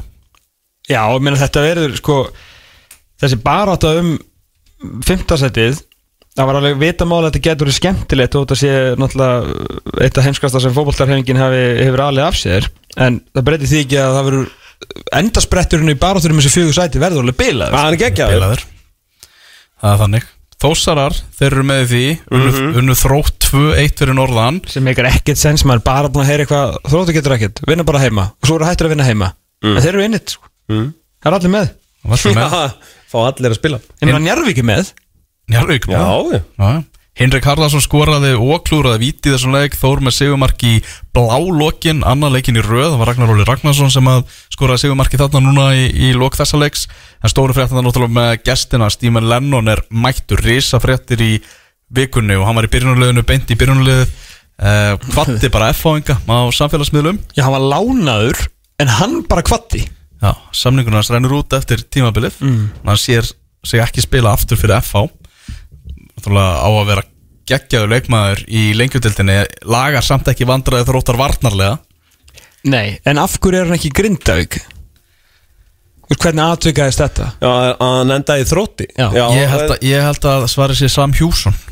Já, auðvitað. Ég held að Já. Spurningin léleg og svarið var gott. Já, bara hafa gaman vill bara svona njóta setni hluta sumarsins Já. og fer til vinna síns Sam Hjússon Já. í lögadalum Svakalegur hérna, dagur í lögadalum að kynna Elín Mettu og Stífin Lennon. Það, það, var, hérna, þetta, var, þetta var allt í lagi dagur. Þetta er svona stærri fréttir en hafa verið oft frá þróttunum sko. Já, heldur betur. Ég Rísa sé að þeir fengu Michael Jackson. Já, nákvæmlega þetta, þetta vorið En uh, já, þróttarar komnir niður í, í fallsæti eftir þessi úslit Sko, draumur þinn gæti orðið að veruleiki ár að selfisinga falli Já, draumum minn. Ná, það er svo okkur að því. Hérna, já, þeir eru Ég held að þeir falli, sko. Selfoss, Já, ekki þróttur? Næ Nei? Ég held að Stephen Lennon koma, koma hans. Og bara, þú veist, þeir með Já. þessi vopn fram á við með, með Lennon og Hinrik Og ég held að þeir haldi, haldi floti, sko. Það er svo sannlega sko ungur nefnur gammal temur þar. Hinrik Harðarsson mm -hmm. uh, og Stephen Lennon. Líka þetta er svona, svona stór og lítill reynsla og björnsinu eskunar mm -hmm. það er allt í þessu það er allt í þessu eldur, það er vatn, það er ís mhm. myrkur, kvöldi, ís og snjó ah. ah. gróft á fjölnækjara 3-3 í aftefli fjölnækjast yfir á 8.8. minútu viti en Atti Bomba jafnaði 3-3 í uppbóta tíma ég var nokkið bara að kynna mér það hvort hann hafi verið í vörninu eða í strækjarnum í leik, þessu leikið sem var í umfyrinu á undan Chris Brasella þess að víkja svona þess frá sinni hugmyndafræði til að reyna að fá inn einhver, einhver stygg 3-3 úrslitin í þessum leik og já, þetta það veit að allir náttúrulega að þetta er þannig að það er bara eittlið sem fer beint upp og það eru afturhaldning og íja í hardri baróttu en svo staðan er núna þá verður þetta íja leiknir og fjölunir vestri ef að deltinn eru flautuð af núna í úrslita gefninni það sem að leikið er að heima og að heiman hvað er það? Íja? Íja leiknir, leiknir. fjölunir vestri Og í að leiknir er fyrir ekki, náttúrulega er ekki 2 mútið 5 og 3 mútið 4 Já, er ég að setja, eitthvað- setja eitthvað rámt eða? er ég að gera reyði mistökin að vera að lesa úslitmótin en það er ekki ía vestri fjölni leiknir? Akkurat núna? Er það rétt þér? Ía vestri fjölnir Þetta er rétt, Já, ok. kórrétt Hárétt, leiðrétting. Já, það verður svo típist þetta að vera 2 2, 4, 3, 5 sko. Það er eitthvað klúður- Já, eins og staðin er akkurat núna. Já, Ía mætti vestra og fjölnir mætti leikni. Já. Leikið heima og að heiman og svo er úrslitaleikurinn á lögadarsvelli það er búið að staðfesta það. Þeir vilja vera eins og .net byggarinn. Já, Jæja þannig að það var sett inn í vikunni. Úrslitaleikurinn verður á lögadarsvelli og uh, það er komið nýtt nafn á þennan úrslitaleik. Já. Við ætlum að kalla þetta 50 miljón króna leikin 50 Ó. miljónar krónar leikin Já. Það er þá vantilega verðmæti leiksins. Þetta er eins og 100 miljón punta leikurinn uh, Úslitunum að komast upp í Premier League. Mhm. Þetta er okkar 50 mils. Já Ég fekk góða mann til að reikna þetta út verðmæti Sigurs í þessum leik. Já. og hann hendir 50 miljónum á þetta. 50 miljón 50 miljón krónar leikurinn úrslitaleikur Ok. á lögadarsvelli Það er gæðið Það er áhugavert hvernig þetta endar allt saman í lengjudeldinu og þetta er En eh, spurningur sal. Já, Eftir leik sem stennan úrslitaleik Mm.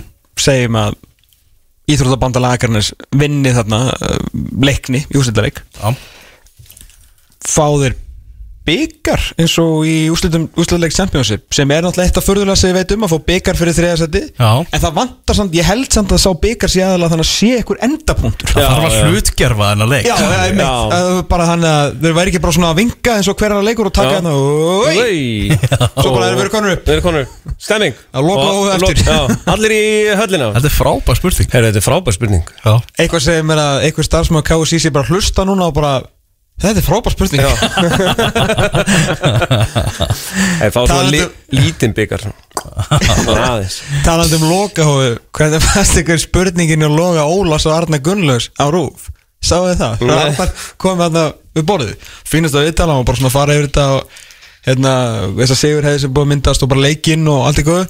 Og svo var Logi árun eitthvað þreyttur eins og honum einu með læð og vildi fara að slá leta strengi. Hann var ekki búin að gera alveg svona þrjár mínútur. Hann sagði, herruðu, þið hérna konu úsliðleikin í byggarnum, við erum á toplum í deildinni. Stelpunar einhverju byggarmestrar svo kom bara þögn. Getur þú reddað okkur með á loka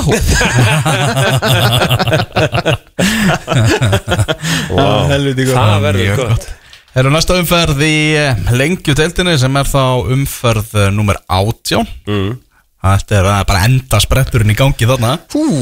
Úlala, það er Njarðvík afturölding á morgun á Rafholtsvellinum Leiknir vestri á Dómus Nóa.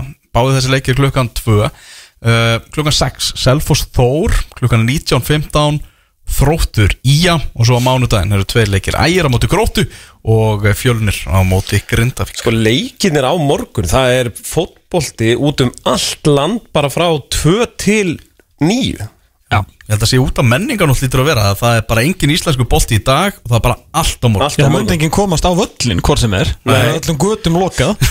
En það eru sko þrýr playoffs leikir Í næstu umferð. Já, Þú veist, Njarvík afturhelding, ekki fjölni Grindavík Og uh, vestri leiknir. Já, Þú veist, það eru bara þrýr hjúts leikir hérna í barátunum playoffs. Já. Það er partíð þarna. Mm.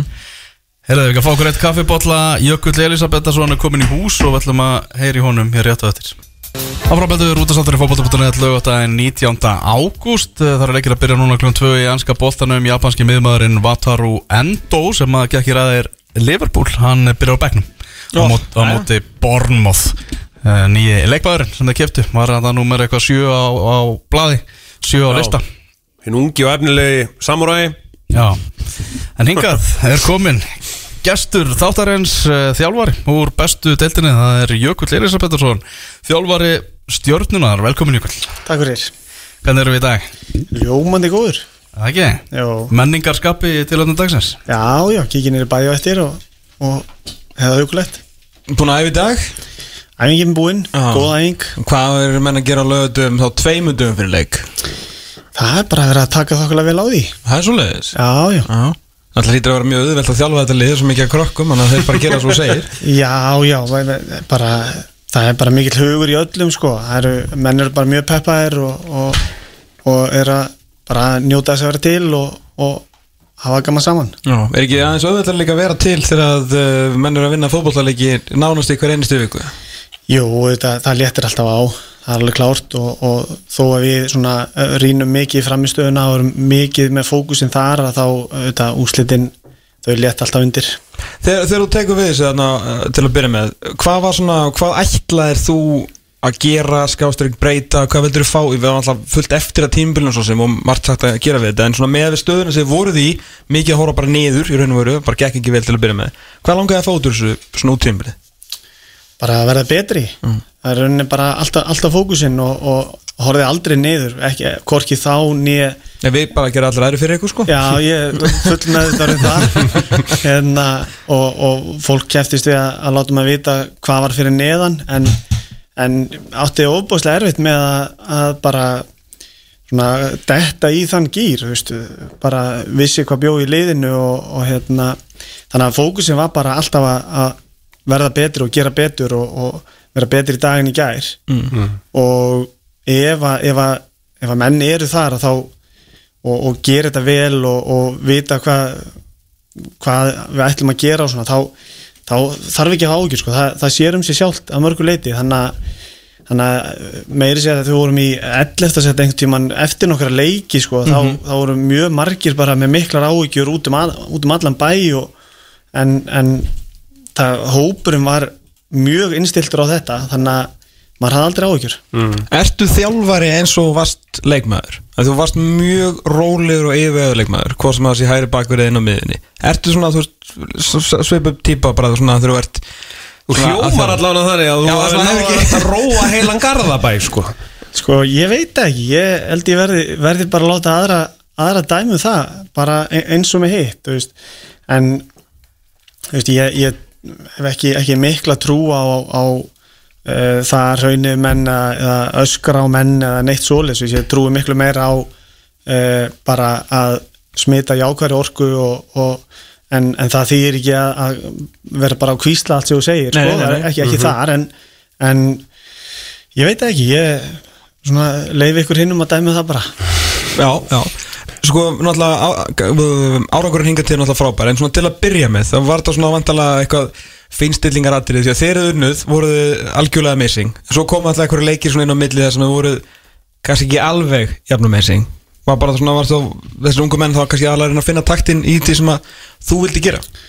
Já, sko, ég, ég er mjög gaman að þessari umræðu að því að, hérna, og, og sérstaklega bara hvernig þú orðar þetta, veist, að, að ungu menninir hafi verið svona finna taktin og finna jafnvægið og finna stöðuleika en, en e, ég held sko ef að menn voru að rýna í hvað gerðist inn á vellinum annað en úslitin að þá hefðu menn séð og upplegað miklu, miklu meiri stöðuleika en kannski var hægt að lesa út úr þessu Já, menn gera það ekki, sko, við bara horfum á leikina Já. Svo myndum við okkur skoðum bara einhverja svo kemur táknið. Já, svo bara neglum við bara eitthvað sem okkur finnst og já, út já, það. já, já, og, og búið til fyrirsagnir.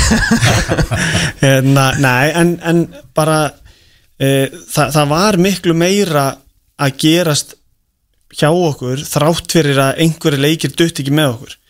Og það er raun og veru þa þannig vinnum við bara þannig, þannig það, skiptir raun einhver máli. Við, við tókum leikum móti, móti vikingi á vikingsveldi mm. þar sem að mínum að við vorum tölver sterkari aðilinn. E, og mér finnst þið fá betri færi og, og hérna e, þeir hins vegar kláruðu sín mjög vel. E, ma maður fer ekki þú veist að því að maður, maður fer ekki út um allan bæ eftir svona leik og fer að segja hvað hva, hvað vorum góðir og flottir og tölfræðin og eitthvað e, e, svona kontróli fínt og, og mikið af svona öflugu uppspili gegnum mjög erfiðan anstæðing þegar við töpum 2-0 þá, þá er það bara niðurstaðan og, og, og meðan við erum það séum bara okkar á milli.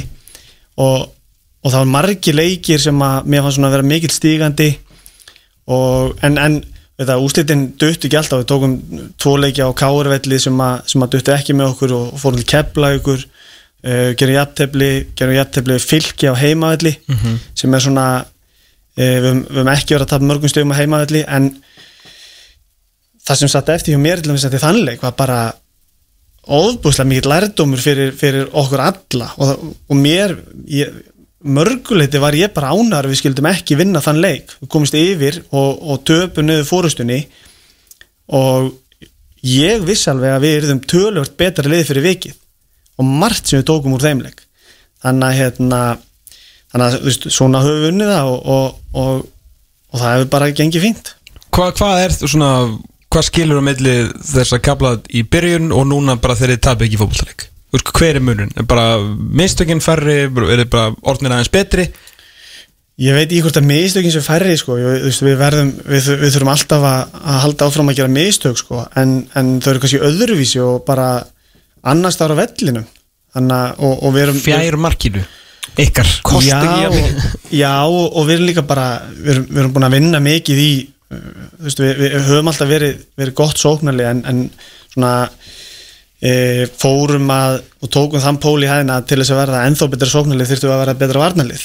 Og, og það er svona eitt sem að við höfum tekið fyrir eitthvað mikið fyrir og, og hérna og niðurstaðan er auðvitað bara að við svona ef við, ef við hórum í síðustu leiki að þá þá við fengið mjög fá mörg á okkur. Mm sem tvö mörg í síðustu sjö leikjum á okkur eða eitthvað svoleiðis sem er bara mjög stert og, og fimm sinnum haldir hreinu og, og niðurstaðan er bara við erum orðnir eitt sterkasta varnarliði í deildinni sem er bara mjög skemmtilegt. En af hverju er það að halda hreinu núna með alla sömu kallana og þeir eru búin að vera í raun og veru með síðan tvö árin? Það sem hafi ekki verið að spila góða vörð Ertu búin að drilla varnarleikin bara í döðlur? Nei, við, við, við, við tölum ekki saman og við, við pælum mikið Já. og, og hérna það, það er mikið, mikið að fundum og, og, og reyndar þannig að, að menn er svona farnir að velta því fyrir sér að, að segja upp samningum og, og, launum og, fá frekar fundarbónusa. Komi, komi betur út og, hafa haft orð á því en, en við tölum ekki saman og, við það, það er þannig að við, við bara gengur allt út á hugsun og skilja hva, hvað við erum að gera og bara vera meðvitaðar um af hverju við gerum hlutina inn á vellinum og það hefur bara gengið mjög vel og, og leikmennir þeir eiga bara rosalega mikið hróskilið þeir, þeir, þeir eru all in og það er alveg sama eftir hvaða leik það er eða, eða hva, hvar, hvar við snertum niður. Þeir eru með taka mikið þátt uh, mikla skoðanir ég, ég tel mig ekki hafa öll svör við öllu alltaf þannig að ég vil fá inbútt frá þeim og þeir eru bara mjög virkir þeir rýna í leikin okkar og, og hérna pæli hvar eru móment til að gera betur mm. og bara sem dæmi fylgisleikunni síðast, kannski gott dæmi og FH leikunni sem að manni kosti á 4-0 eða 5-0 e, það sem eftir satt hjá, hjá stórum hlutu hópsins og, og mér klárlega var bara að hverju gerum við ekki betur Mm. Og bara ef við getum gert betur þá verðum við að gera betur. Og það er heldur stert held ég ef, að, ef að þegar að eru afgerandi úslit Mm. en það er líka það sem að kemur við, við, við, heldur ekki, við getum ekki bara að klappa okkur við rólegir þegar við töpum stegum Nei, nei. og sagt eitthvað bara horfum í framistöðu við verðum líka að gera ef við, ef við vinnum og við vinnum stórt. Og, og það eru mikið af mómentu þar sem við bara við verðum að gera betur Og svo náttúrulega, uh, svo sem ekki verið að hjálpa mikið með, með leikmenn þar að segja, þú veist, því svo sem hjálpa ykkur sjálfur með að búa til svona góða leikmenn. Missið tvo hans öflega og náttúrulega kannski aftur að annara manna mati besta leikmenn í, liðinu og þá svo sem ekki törða eitthvað væl og skjælaði því, það er bara áfram gag Já, já, þú veist Ísak náttúrulega og, og það var líka alveg skemmtileg umræða því að, að, því að, að því að hérna, umræðan var auðvitað að, við værum one-dimensional og það væri, væri gætum bara að skora ef að Ísak var á vellinum og, og gætum eiginlega bara að skora ef að hann snerti boltan og hérna Sérstaklega eftir þarna eitt leikinu þar sem hann litri, hann var einu sinni í sumar One Man Army en annars ekki sko. Já, hvað var það? Var ekki valsleikurinn eða? Nei, ég segi ekki One Man Army, ég segi hann Þegar hann var að taka allt Já? Það var á heimaðalli Það var F-leikurinn sem þú vart á Var. FH, já, Já, já hann var alveg rosalegur þar. Já, og, og það er alveg rétt en, en það, sem að, það sem að vantar í þessu umræðu er sko, sko hve- hvernig stendur á því að, að þetta góðu leikmaður hefur alltaf þennan tíma á þetta pláss? Mm. Mantilega þeir eru tíu aðrir sem að hjálpa til. Þa, það eru svo margir öflugir sem að hafa verið að taka, taka til sín. Og Ísak veit að stórkoslegur og var, var búin að vera besti leikmaður á mótinu þegar hann fær út. Og verið mjög gaman að fylgjast með í Svíþjóð og ég bara eh, bara bind mikla voni við, við hann og held að hann komi og bara trúði að hann komist hratt inn í, inn í þá deild og, og fara að delivera en, en það er ég, ég, ég hef engar ágjur og ég, held, ég er ekkit vissum að ég veit ekki hvar menn stóðu með það. Hann, hann var ekki farin út þegar við spilum við val. En þar bauði hann með rauninni bara valið hvort að, hvort að hérna hvort hann vildi spila leikin eða ekki að að, og, og það er þetta bara erfitt ef þú ert búin að koma Já, úti að eiga síðan að fara í leik gegn svona sterku liði og það er það sem margt undir og mikið undir þannig að hérna, hann spila ekki leikin og e, í rauninni bara engin vandamál. Þannig að og þetta hefur verið þannig að, að það koma bara menn inn og, og, en, en það er líka bara því að það allir að leggja þetta mikið á sig. Það er allir að stúdira, það er allir að pæla, það er allir að hugsa það er allir að reyna að gera meira. Þetta er svona kannski annars en eitthvað, þú var, varst reyndur náttúrulega í frekar öflu af svona margir ungir í kringu þegar þú varst að koma upp sjálfur þannig að þú veist, þú séð svona nokkra kynnslóður af þessu. Þú ert náttúrulega í bleikaliðinu stappfullt af ungum heimunum sem fóru sér allar og gerði eitthvað og nú ertu að þjálfa mjög áhugaverða kynnslóð hjá, hjá stjörnunni. Svona er ykkur, er ykkur munur á þessum mönnum? Svona í gegnum, gegnum tíðina? Þú veist, munur á fótboltamönnum, högafæri þú veist, eru þessi stjörnustrákar eitthvað sveipar og bleikarnir eða Káringarnir Káringarnir ungu líka. Það er fyrir 20 ár Já, með aldamótin? Nei, Flott, já, það var sko. Hérna, eh, ég sko mér, það, það er margt sem svipa með kannski, kannski þessu liði og, og breðabliksliðinu þá. Og ég held að þú veist, eftir nokkur ár þá munum við örugglega sjá marga úr þessu stjórnuliði vera kom, komna erlendis eins og var í blikaliðinu þá. Um mitt eh, hversu langt þeir fara á bara eftir að koma í ljós en, en, hérna, og er bara undir þeim komið. Eh, en ma- margt sem svipar bara, bara orkan og, og bara þeir eru með gæði og þeir eru tilbúin að leggja mikið á sig. En þú veist, ég verða að koma því að líka eins og, eins og áður að, að það er ekki veist, það, það sem er áhugavert líka er hvað eldri leikmennir er að leggja mikið á sig líka. Mm. og, og ég held að allir ungum mennir munu, munu votta fyrir hvað, hvað eldri mennir eru hjálpaði mikið. Bara uh, inn á vellinum utan vallar bara í samtölum uh, bara leiðbendingar um, um bara hugafar. Margt sko þannig að uh, en það er, það er margt sem svipar, svipar til. Ef Þið talandi um eldri menna þá kannski eins og með gengið í fyrra þú veist, svona upp og upp og niður og allir að segja alltaf, alltaf út af ungum mönnu það er svo mikið ungu strákum að auðvitað vera þetta svona sveiflikendar framistöður en hérna, það breytir því ekki að maður er búin að sjá marga stjórnuleiki og jú, eldri menninir, reynsluboltarnir hafa kannski ekki endilega verið alltaf upp á tíu en þá verðast þeir náttúrulega líka hafa tekið svona þínum pælingum, jafnvel og jafnvel betur þegar þeir náttúrulega kannski líka meira meira ábyrða þeirra hendur að spila vel fyrir sjálf og sig og vantilega gefa eitthvað til yngri manna. Já, já, ég eh, var eins og, eins og í fyrra fannst mér, mér fannst mesti stöðuleikin í liðinni fyrra verið hjá fannst meiri stöðuleiki þar þó umræðan var alltaf uh, bara eðlilegt að sveiplista þegar það er svo mikið ungu leikmunum en, en mér fannst þeir vera með stöðuleika. Mm.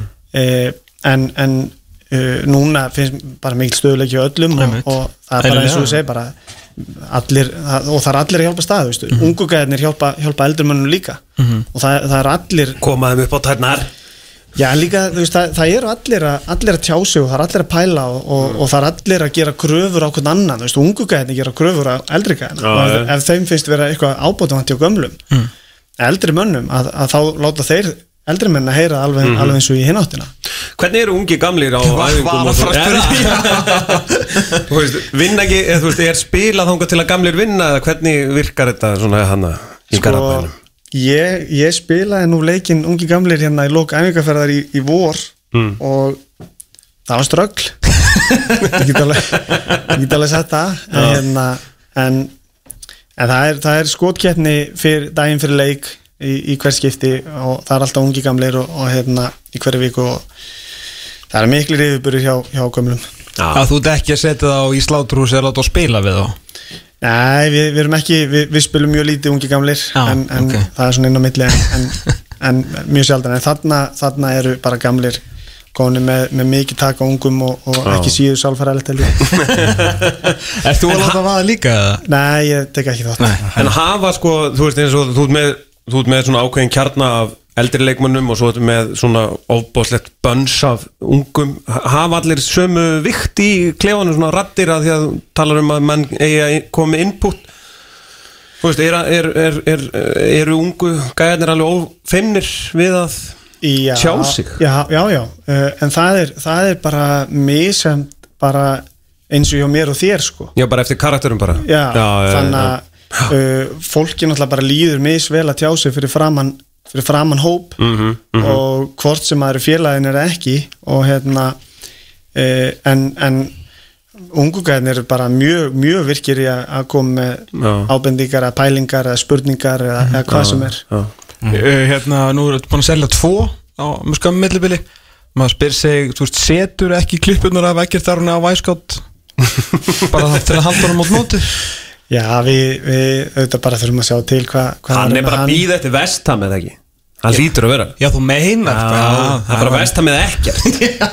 Þetta var ekki Þetta er bara Þetta reynda myndi komast í liðir að núna en það er svona mál.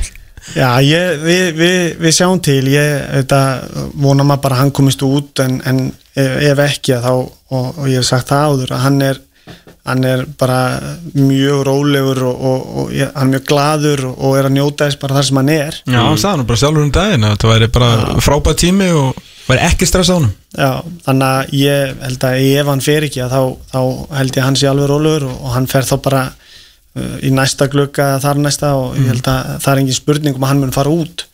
Bara hann, hann hefur öll gæðin og hann er, hann er uník leikmaður uh, inn á miðjusvæðinu og, og þannig leikmaður fer alltaf út ef hann, ef hann heldur áfram að leggja á sig þannig að er bara hvenær, það er bara spurning. Mhm. Af hverju er þessi goma af hérna, svona upplugum ungur leikmennum uh, svona allt í einu? Ég veit, þú veist, stjórnmenn hafa alveg verið duglegur að ala upp en það verið sem, þú veist, menn er ekki 19 ára lið með einhverja þrjá til 5 startera og hérna, þið náttúrulega getið stilt upp 6-7 strákum eftir fættir eftir 2000 sem þetta samt skilur sóma sér vel, Þú veist, af hverju er þetta bara happening? Og þetta gerist á stundum að árgangar eru bara þéttir og góðir en Já, ég kannski kann ekki alveg, alveg svara við því sko. Uh, uh, hvort að og svo, svo náttúrulega ég eftir að sjá hvort að veist, þessi innan gæsalapa framleiðsla heldur áfram á, á ungu leikmönnum. En, en ég líka bara hluti af þessu er að þeir, þeir hafa þeir hafa bætt sér mjög mikið, þeir hafa unni mjög mikið og, og, og hérna e, þeir hafa fengið traust og, og þeir finna að það er trú og það er, þeir, þeir munu uppskera ég held að það skipta alltaf máli líka. En Þeir eru líka, virkar, líka með svo gott hugafar Þessi ungu garbaðingar þar að segja.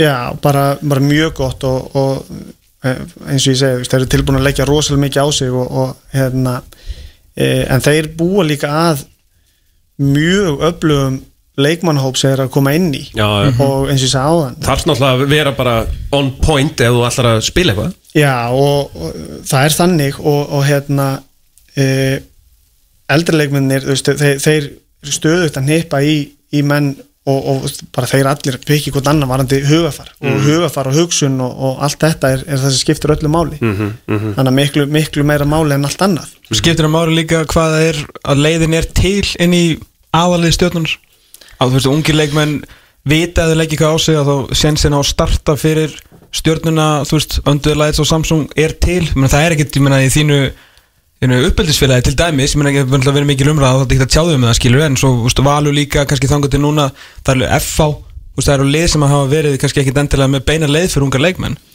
Já, En ég, gullnótin held er að, þarna. ég held að skipti mjög miklu máli bara ekki spurning og, og hérna e, ég held að það íti, íti alltaf við mönnum en, en svo verður bara spurningur menn e, ver- verða strákurinn tilbúin að leggja nóg á sig og við erum konur á það stað að, að það, það, það er enginn að fara að spila í þessu liði hjá okkur ef, að, ef hann er ekki tilbúin að laupa í 100% sprett tilbaka alltaf Já. og það er ekki bara nýja okkur en tíu, það er bara alltaf þannig að, þannig að kröfunar er miklar og, og, en, en það er líka eina leiðin til að, til að ebla umhverfið og, og næstu menn sem kom inn Já. 19 ára ég hefði viljað hafa gott hugafar sko.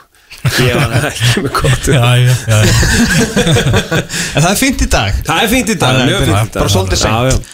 Hérna, sko markmiðarsetning ykkar náttúrulega, hvað sem hún var fyrir mót síðan náttúrulega verið nær hérna botninu með þeim toppnum á sín tíma. En akkurat núna, þú veist, at this moment in time, þið eruð í Evropasæti ef að uh, allt er vel hjá okkur eða allt, já, fyrir ykkur á, á lögutarsvelli að hérna vingu vinnur káa þá er fjórasæti í bóði Já. ég meina, verður búin að setja markið á fjórasætið og síðan bara mæta með vikingsfána 16. sett uh, Nei, við erum ekki búin að gera það Nei. og munum ekki gera það það er, þá mæta með fánan eða setja eitthvað markmið við getum, við getum skoðað þetta með fánan en, Já. en, en við erum ekki, ekki búin að setja markmið á fjórasetti og, og það er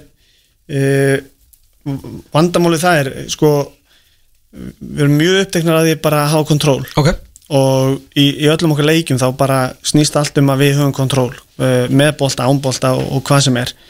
Uh, þannig að og ef ef við fyrir út í þetta að þá við, við höfum ekki eins og kontról á úslutunum á mánudaginn. Þannig að við, auðvitað, við viljum vil- vinna alla leiki og við viljum fara eins langt og við getum og, og við viljum vinna titla og við viljum fara í Európikeppni og, og það allt. En eina, eina markmið okkar í dag er að taka það sem að við gátum gert betur í fylgislegnum og vinni því og gera það betur á mánudaginn. Það það er eina sem við pælum í. Það er bara að vera örlítið meira sjarp vera örlítið hugrakkar á boltan þegar anstæðingur farið moment og ætla svona að byrja að herja okkur að horfa í gegnum tilfinningarnar og sjá svo aðeins sem er opinn á vellinum og fara í gegnum það Örlítið betri hlaup aftur fyrir aðeins meira vakandi fyrir hlaupunum. Bara allt þetta ef, veist, við getum fengið tvö rauða mánudaginn og við töpum leiknum.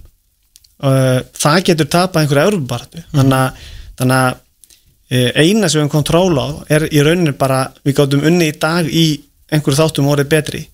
Og svo á morgun undirbúið okkur fyrir, fyrir káurleikin ennþá betur. Og svo tökum við hann. Það er, rauninni, og ég veit að hljómar eh, þetta er alltaf eins og klísja og eitt leikur í einu en, en það, er, það er alltaf hætt við þegar þú fer að horfa lengra. Að því það vilja allir vinna fótballtaleiki það, það þarf ekki að ræða þannig það vilja allir ná eins langt og, og hægt er. Og það kemur. Og við bara sem hópur trúum því að ef að þetta er mindseti hjá öllum alltaf að þá mun árangurinn fylgja í kjölfarið og sennilega til lengri tíma. Það hýtur náttúrulega að vera mikið keppi kepli að halda sér þarna þá allavega í Euróum-spilinu þannig að síðustu fimm leiki mótsins verði móti þessum bestu liðum til þess að halda áfram að bæta sig Já, sko, og það, þú veist, og kannski ég síni hvað maður er steiktu, sko, bara orðalagið að halda sér í einhverjum pakka er eh, í, í sjálfu sér passíft. Mm. Þannig, að- hérna, e, þú veist, ég, ég myndi aldrei orða, orða þannig. Þú veist, það er bara, við förum og, og, og, og taka hann að leikum út í káir e, með þeim hætti sem við mun- munum leggja upp og með því að verða betri en það að ætla að reyna að halda í eitthvað er mjög passíft. Þannig að að við- verja eitthvað? Já, verði eitthvað eða bara, tökum bara eins og að halda fengnum hlut í leik, mm -hmm. eitt nú lifir, tvö nú lifir. Veist, bara trú ekki á að halda fengnum hlut trú ekki á að, að setja varnamann inn fyrir miðjumann eða, eða miðjumann inn fyrir sóknumann það er bara, ef anstæðingur ætlar að fara að setja meiri sóknuþunga þá verðum við bara þeimun tilbúinari að sækja næsta mark. Hérna, með því aðeins sjálfan, ertu búin að vita lengi að þú ætlar að vera svona þjálfari við efstild, ég veit náttúrulega að þú ert búin að vera að, að smakka þess á þessi í næri dildum og svona, en að vera komin á þetta stig og þetta hratt, var þetta alltaf, er þetta lengi búin að vera markmiðið? Nei, nei, var, var bara ekki markmið sko. Nei, og ég var, var, var mjög snemma sem leikmaður búin að ákveða það að ég ætla ekki að vera þjálfari. Ok, og var bara plataður í þetta með, með augnablik þannig að, hérna, að klára eitt sísón þegar, að- þegar að Olgir var aðstofþjálfari mestralóki í breðablik þannig, að- þannig að ég var við því og, og það var ekki áttu snúið bara, bara skemmtilegt og, og svona bara átti sæmilega við. Hvað var þetta bara sínt, hérna, þú veist, væskátt og eitthvað og fórst bara allir bara, herru, wow, ég er kannski bara jafn góður í þessu og ég var að spila. Sko, fór ekki, fór ekki alveg þanga fyrir en kannski uh, setna og, og veist, maður var ekkert ekki einhverjum djúbum pælingum til að byrja með sko. Nei, nei, nei. bara, þá, þá vorum við í fjóruðdeldinni og, og hérna vorum, vorum með heldur gott lið og skemmtilegt lið og, og þá vorum við æfa kannski einu sinni tvisar viku og, og mikil, mikil reytur þannig að hérna, en, en svo bara vill maður alltaf sökka sér dýpra og gera meira og, og, og hérna það er svona að vatna upp á sig Hvað er svona, hverjir eru í, í opnabúrinu hjá þér? Hvað, hvað þjálfari gegnum tíðinu hjá þér er þetta svona með einhverja pælingar eða orð frá núna? Hver hafði svona áhrif á þig sem að þú getur tekið með þér inn í, inn í þitt? Sko, ég, ég lærði mjög mikið af, af Óla Kristjáns Já. og hérna, og bara svona hann, hann hugsaði djúft og mikið af pælingum og, og, og svona margt, margt hjá húnu sem að sem að satt eftir og, og e, lang, langmest mjög jákvætt. Mm.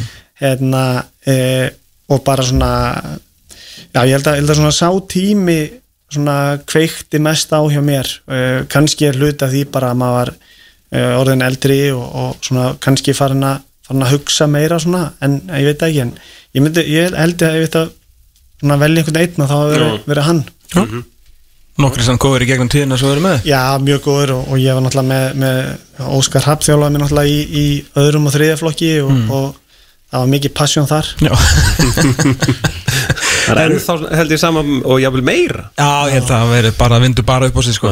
Herru, við höfum að fá aðeins svona smá hérna, spekingsstólun frá þér uh, Reisastóru leikur fyrir deildina á morgun Víkingur Valur, uh, eða Valur Víkingur endar Hvað svona, hvernig finnst þessi lið hafa verið? Öðruslega mjög góð segir sér sjálft en kannski ef við byrjum að þess að á toppliðinu þínum gömlu félagum í, í Vikingi hva, hver ástæð verið þeir eru konum með 50 stig í þessu dild?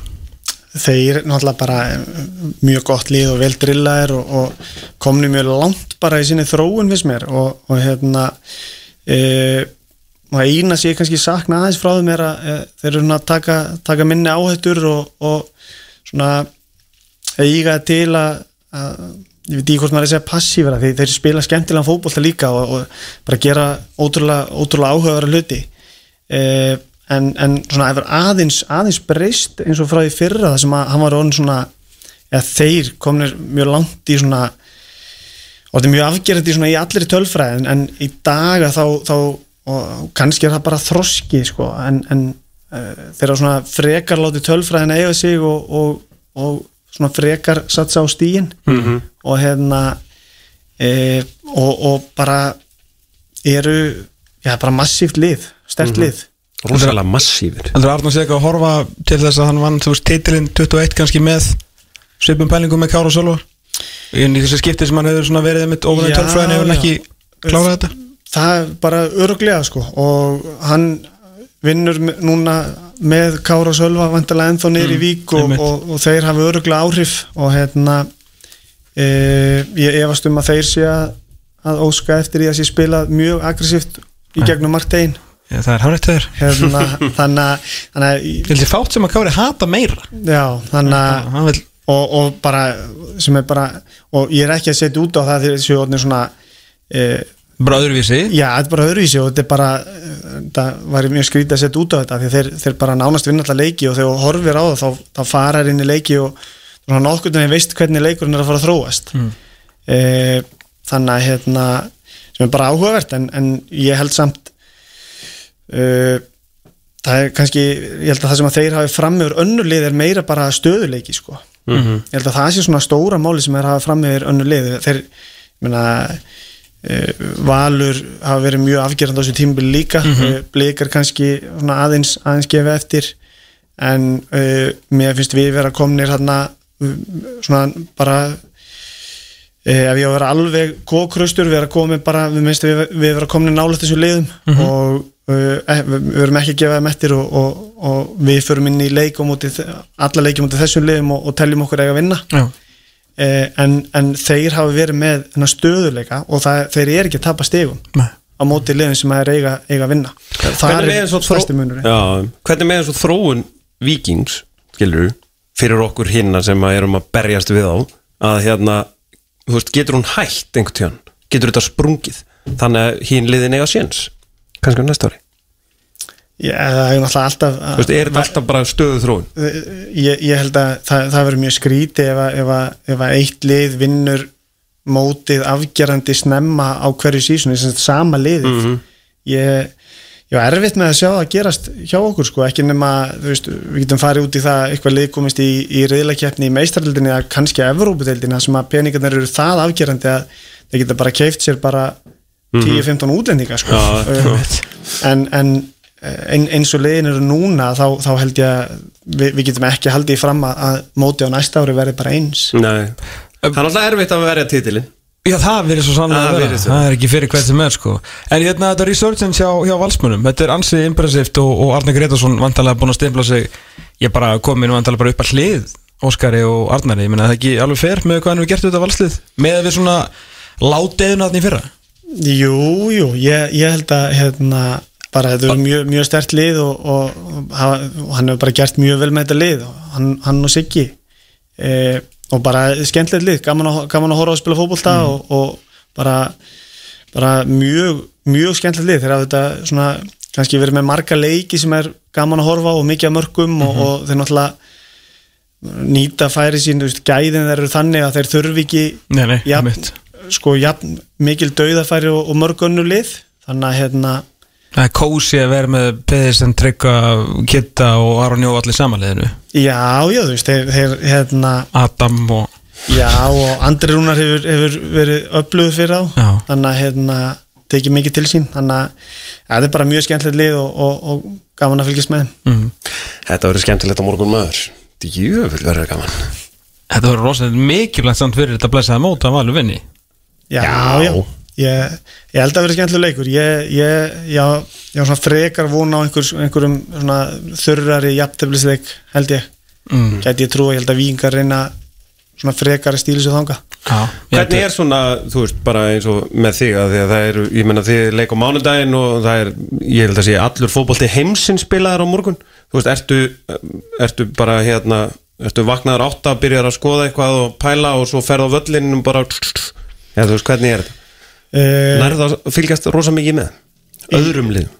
í deildinni Já. já, já ég, ég fylgist mjög mikið með og, og þegar, þegar, við, þegar við spilum þá yfirleitt skoða ég svona 5-6 leiki aftur í tíma hjá liðunum eftir í bara kannski hverja anstæðingarnir voru og, og ef við, þú veist eins og með káringana þá skoða ég kannski minna græsleikina þeirra mm. því það er, það er bara öðruvísi leikir uh, og maður kannski horfið mest í, í leikina þeirra gegn kannski svipum liðum og, og við getum verið ef að, ef að ef að það er. Uh, og svo þetta reynir maður að fara á völlin líka en, en við, það er svona bara eins og maður getur. Og, og það er bara það er svona, það er margt sér sérð. Þú veist, margt sér sérð á vellinu sem kannski nærði ekki alveg í kamerunni þó séum konum með þessar taktikal kamerur mm alla vellina þá, þá er svona aðra eins öðruvísi. Já, Svona gras versus gerfugras framþróunin ekki hvað þeir finnst. Eh, bara þú varst að segja núna horfur ekki svona á grasleiki skilur við út að greina ykkur náttúrulega mikið alltaf umræðan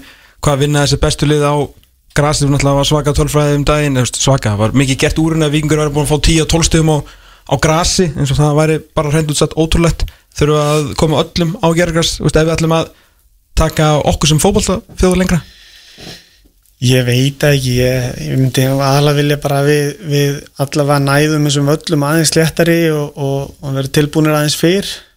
Það- þá? Já, já, þú veist, það er bara Það er erfitt erum að ræsa í april það er held erfitt og, og svo munum við örgulega bara að byrja fyrr og fyrr sko. þannig, að, þannig að það verður alltaf erfitt og, og verður mjög áhört að sjá hvernig F-fáingunum mun ganga með, með hybrid völlin verulega. Þannig að það, það verður mjög áhört. Það er samt svona leiðilegt og einhvern veginn bara mót að það er svona þétt spila líki í upphæði móts bara fullt af grasleikin sem að kannski eru sem bara þegar þú horfður tilbaka bara skrítnir Já, já, mér, mér, mér finnst kannski bara grasvellinir eru þeir eru, þeir eru of erfiðir í byrjum móts. Þannig að það er alltaf leiðilegt þegar að þú þarft einhvern veginn að bara fara að gera eitthvað allt annað og, og þú veist, fókusin orðin á eitthvað annað en fótbolta. Það, er, það er ekki af skemmtilegt en, en það er samt alltaf, alltaf gaman að fara á gras en það þarf þá maður myndir svona helst vilja að væri Það er náttúrulega að reyna að henda bara öllum þínum prinsipum út um glukkan einhvern veginn. Svo Það bara, að ferða á miðvöllin svo Það bara það það það allir prinsiplausir á Já. miðvellinum í april sko.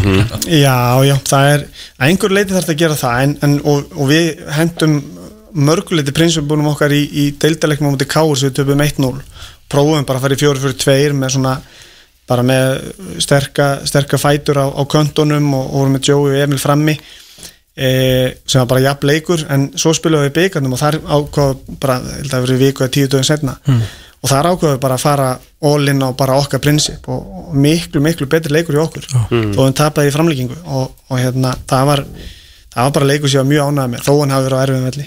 Síðan fóð maður í krigarum daginn hérna á FH Vikingur skilur og bara náttúrulega æðislu stadium að fara á líklega þú veist sá besti á landinu þannig og náttúrulega mikill stadium fílingur yfir kriganum og grasið náttúrulega eins fullkomið á það verður en þetta er bara svo stuttur tími þar sem að þú veist þessi fílingur er og þú ert eiginlega bara heppin að þú farð þannig verður það heiður snjótandi að fá að spila í kriganum við svona aðstæður sko. Já, já, það er maður svona það, á mörguleiti verður þetta þannig að þú, þú vonar að þú náir það snemma að þau þurfa að finna sér að gera eitthvað veist, þetta er komið þangað að, eða nógu seint hann að sé í góðu lægi já, þannig að hérna en, en já, já, það verður, það fróld að sjá hva, hvað græslingi gera í, í framhaldinu og sérstaklega eins og ég segi með, með FH með krigan Það tók, tók vist mjög stuttan tíma að leggja hann líka Þannig að Hæbritina? það var eitthvað bara fimm dagar eða eitthvað Í staðin fyrir, þú veist, einhverjar þrjára eða fimm vikur. Akkur er hann svona svartur eða brún? Ég nefnir, ég er gummi á hæbritvöllum með það uh, Frábær spurning. Ok, ég bara veit ekki alveg mikið um þetta. Er þetta ekki bara svo myndina sem er í gangi? Þú veist, Æ. Þetta er bara Nefn að gæinn hefur bara verið með puttan fyrir linsinu, ég veit ekki. Það- Svo getur það Við þurfum að að skoða Já, þetta þetta er Sett hann bara að það sepja filterinn á. Það eru svona dögum sem að sakna gaupa til að fara bara í gott áttamíðna einslag með viðanhaldarsinni sko. Já, Það er- Eru orðið þetta jölluból Þarna, Hver er orðabóka skilgreiningin á, á því? Það er að Það vantilega að vera með stjórn. Ég, þú, ég veit ekki uh, vil nú ekki fara að eigna mér einhvern heiður að, að þessi er nafngift sko. Ég hérna, Þú bjóst þetta ekki til? Nei, nei Það er þetta verið geðveitt og búin til sjálfur sko. Lauma þess að hverju vinur Kontu sér umræðina Markasettum Hérna, Nei, nei, við, við bara við, við viljum bara uh, eins og ég segi, við viljum hafa kontról í okkur leikjum og, og, uh, og við viljum að þessu hugsun bara í öllu sem við gerum. Og, og svo viljum við bara leggja harta á okkur og þú veist minna svo, svo bara snýst þetta um svæði og, og mismöndi anstæðinga og við erum alveg tilbúinir að, að svona, breyta svona tvíka til uppleikin okkar eftir, eftir anstæðingum og, og hvar þeir eru veiki fyrir og, og svoleiðis. Þannig að hérna þannig að þetta er bara að hugsa dýbra og leggja meira á sig sko, Þú veist, ég held að það sé stóra máli sko. Hugsa dýbra, leggja maður á sig. Ég held að það sé bara ágættis loka örð Jökull eh, Elisabethsson, takk hérna fyrir komuna. Gangi vel að sem eftirliði móts. Það verður fróðið að sjá, náttúrulega stjarnan káar á mándaskvöldið Já, Þriðja sinn, alltaf að spila við káar Með skamman tíma. Ég held að sé bara að búi okkur strókar Já. Það ekki bara, við erum ekki að sitja eftir þráttur við mætt og seint. Það var ekki okkur Fengum S, ekki skróp, samt. Er það að kenna lögreglunum með Ég ætla hann að svona lack of presence myndi ég segja. Já. Eh, Þannig að að þetta gekk nú allt fyrir ágætlega fyrir Já, já. Herru, við fórum með íslenska boltar hérna ansið djúpt minnum á fullta fótbolta morgun bæði hér heima og uh, í enska boltanum. Náttúrulega í dag, Tottenham Aston Edit klukkan 16.30, Manchester City Newcastle. Heldur betur. Klukkan 19.00 svakalegur leikur og Newcastle menn Það var eru tekin á bara brassir í Kásnes Herru, þeir er eru bara brattir fyrir leikin Það er ekki Kevin De Bruyne en Bruno Gimares Já. Hann er með, við erum með aftur til 6 og 22 tíma. Þangu til við sæl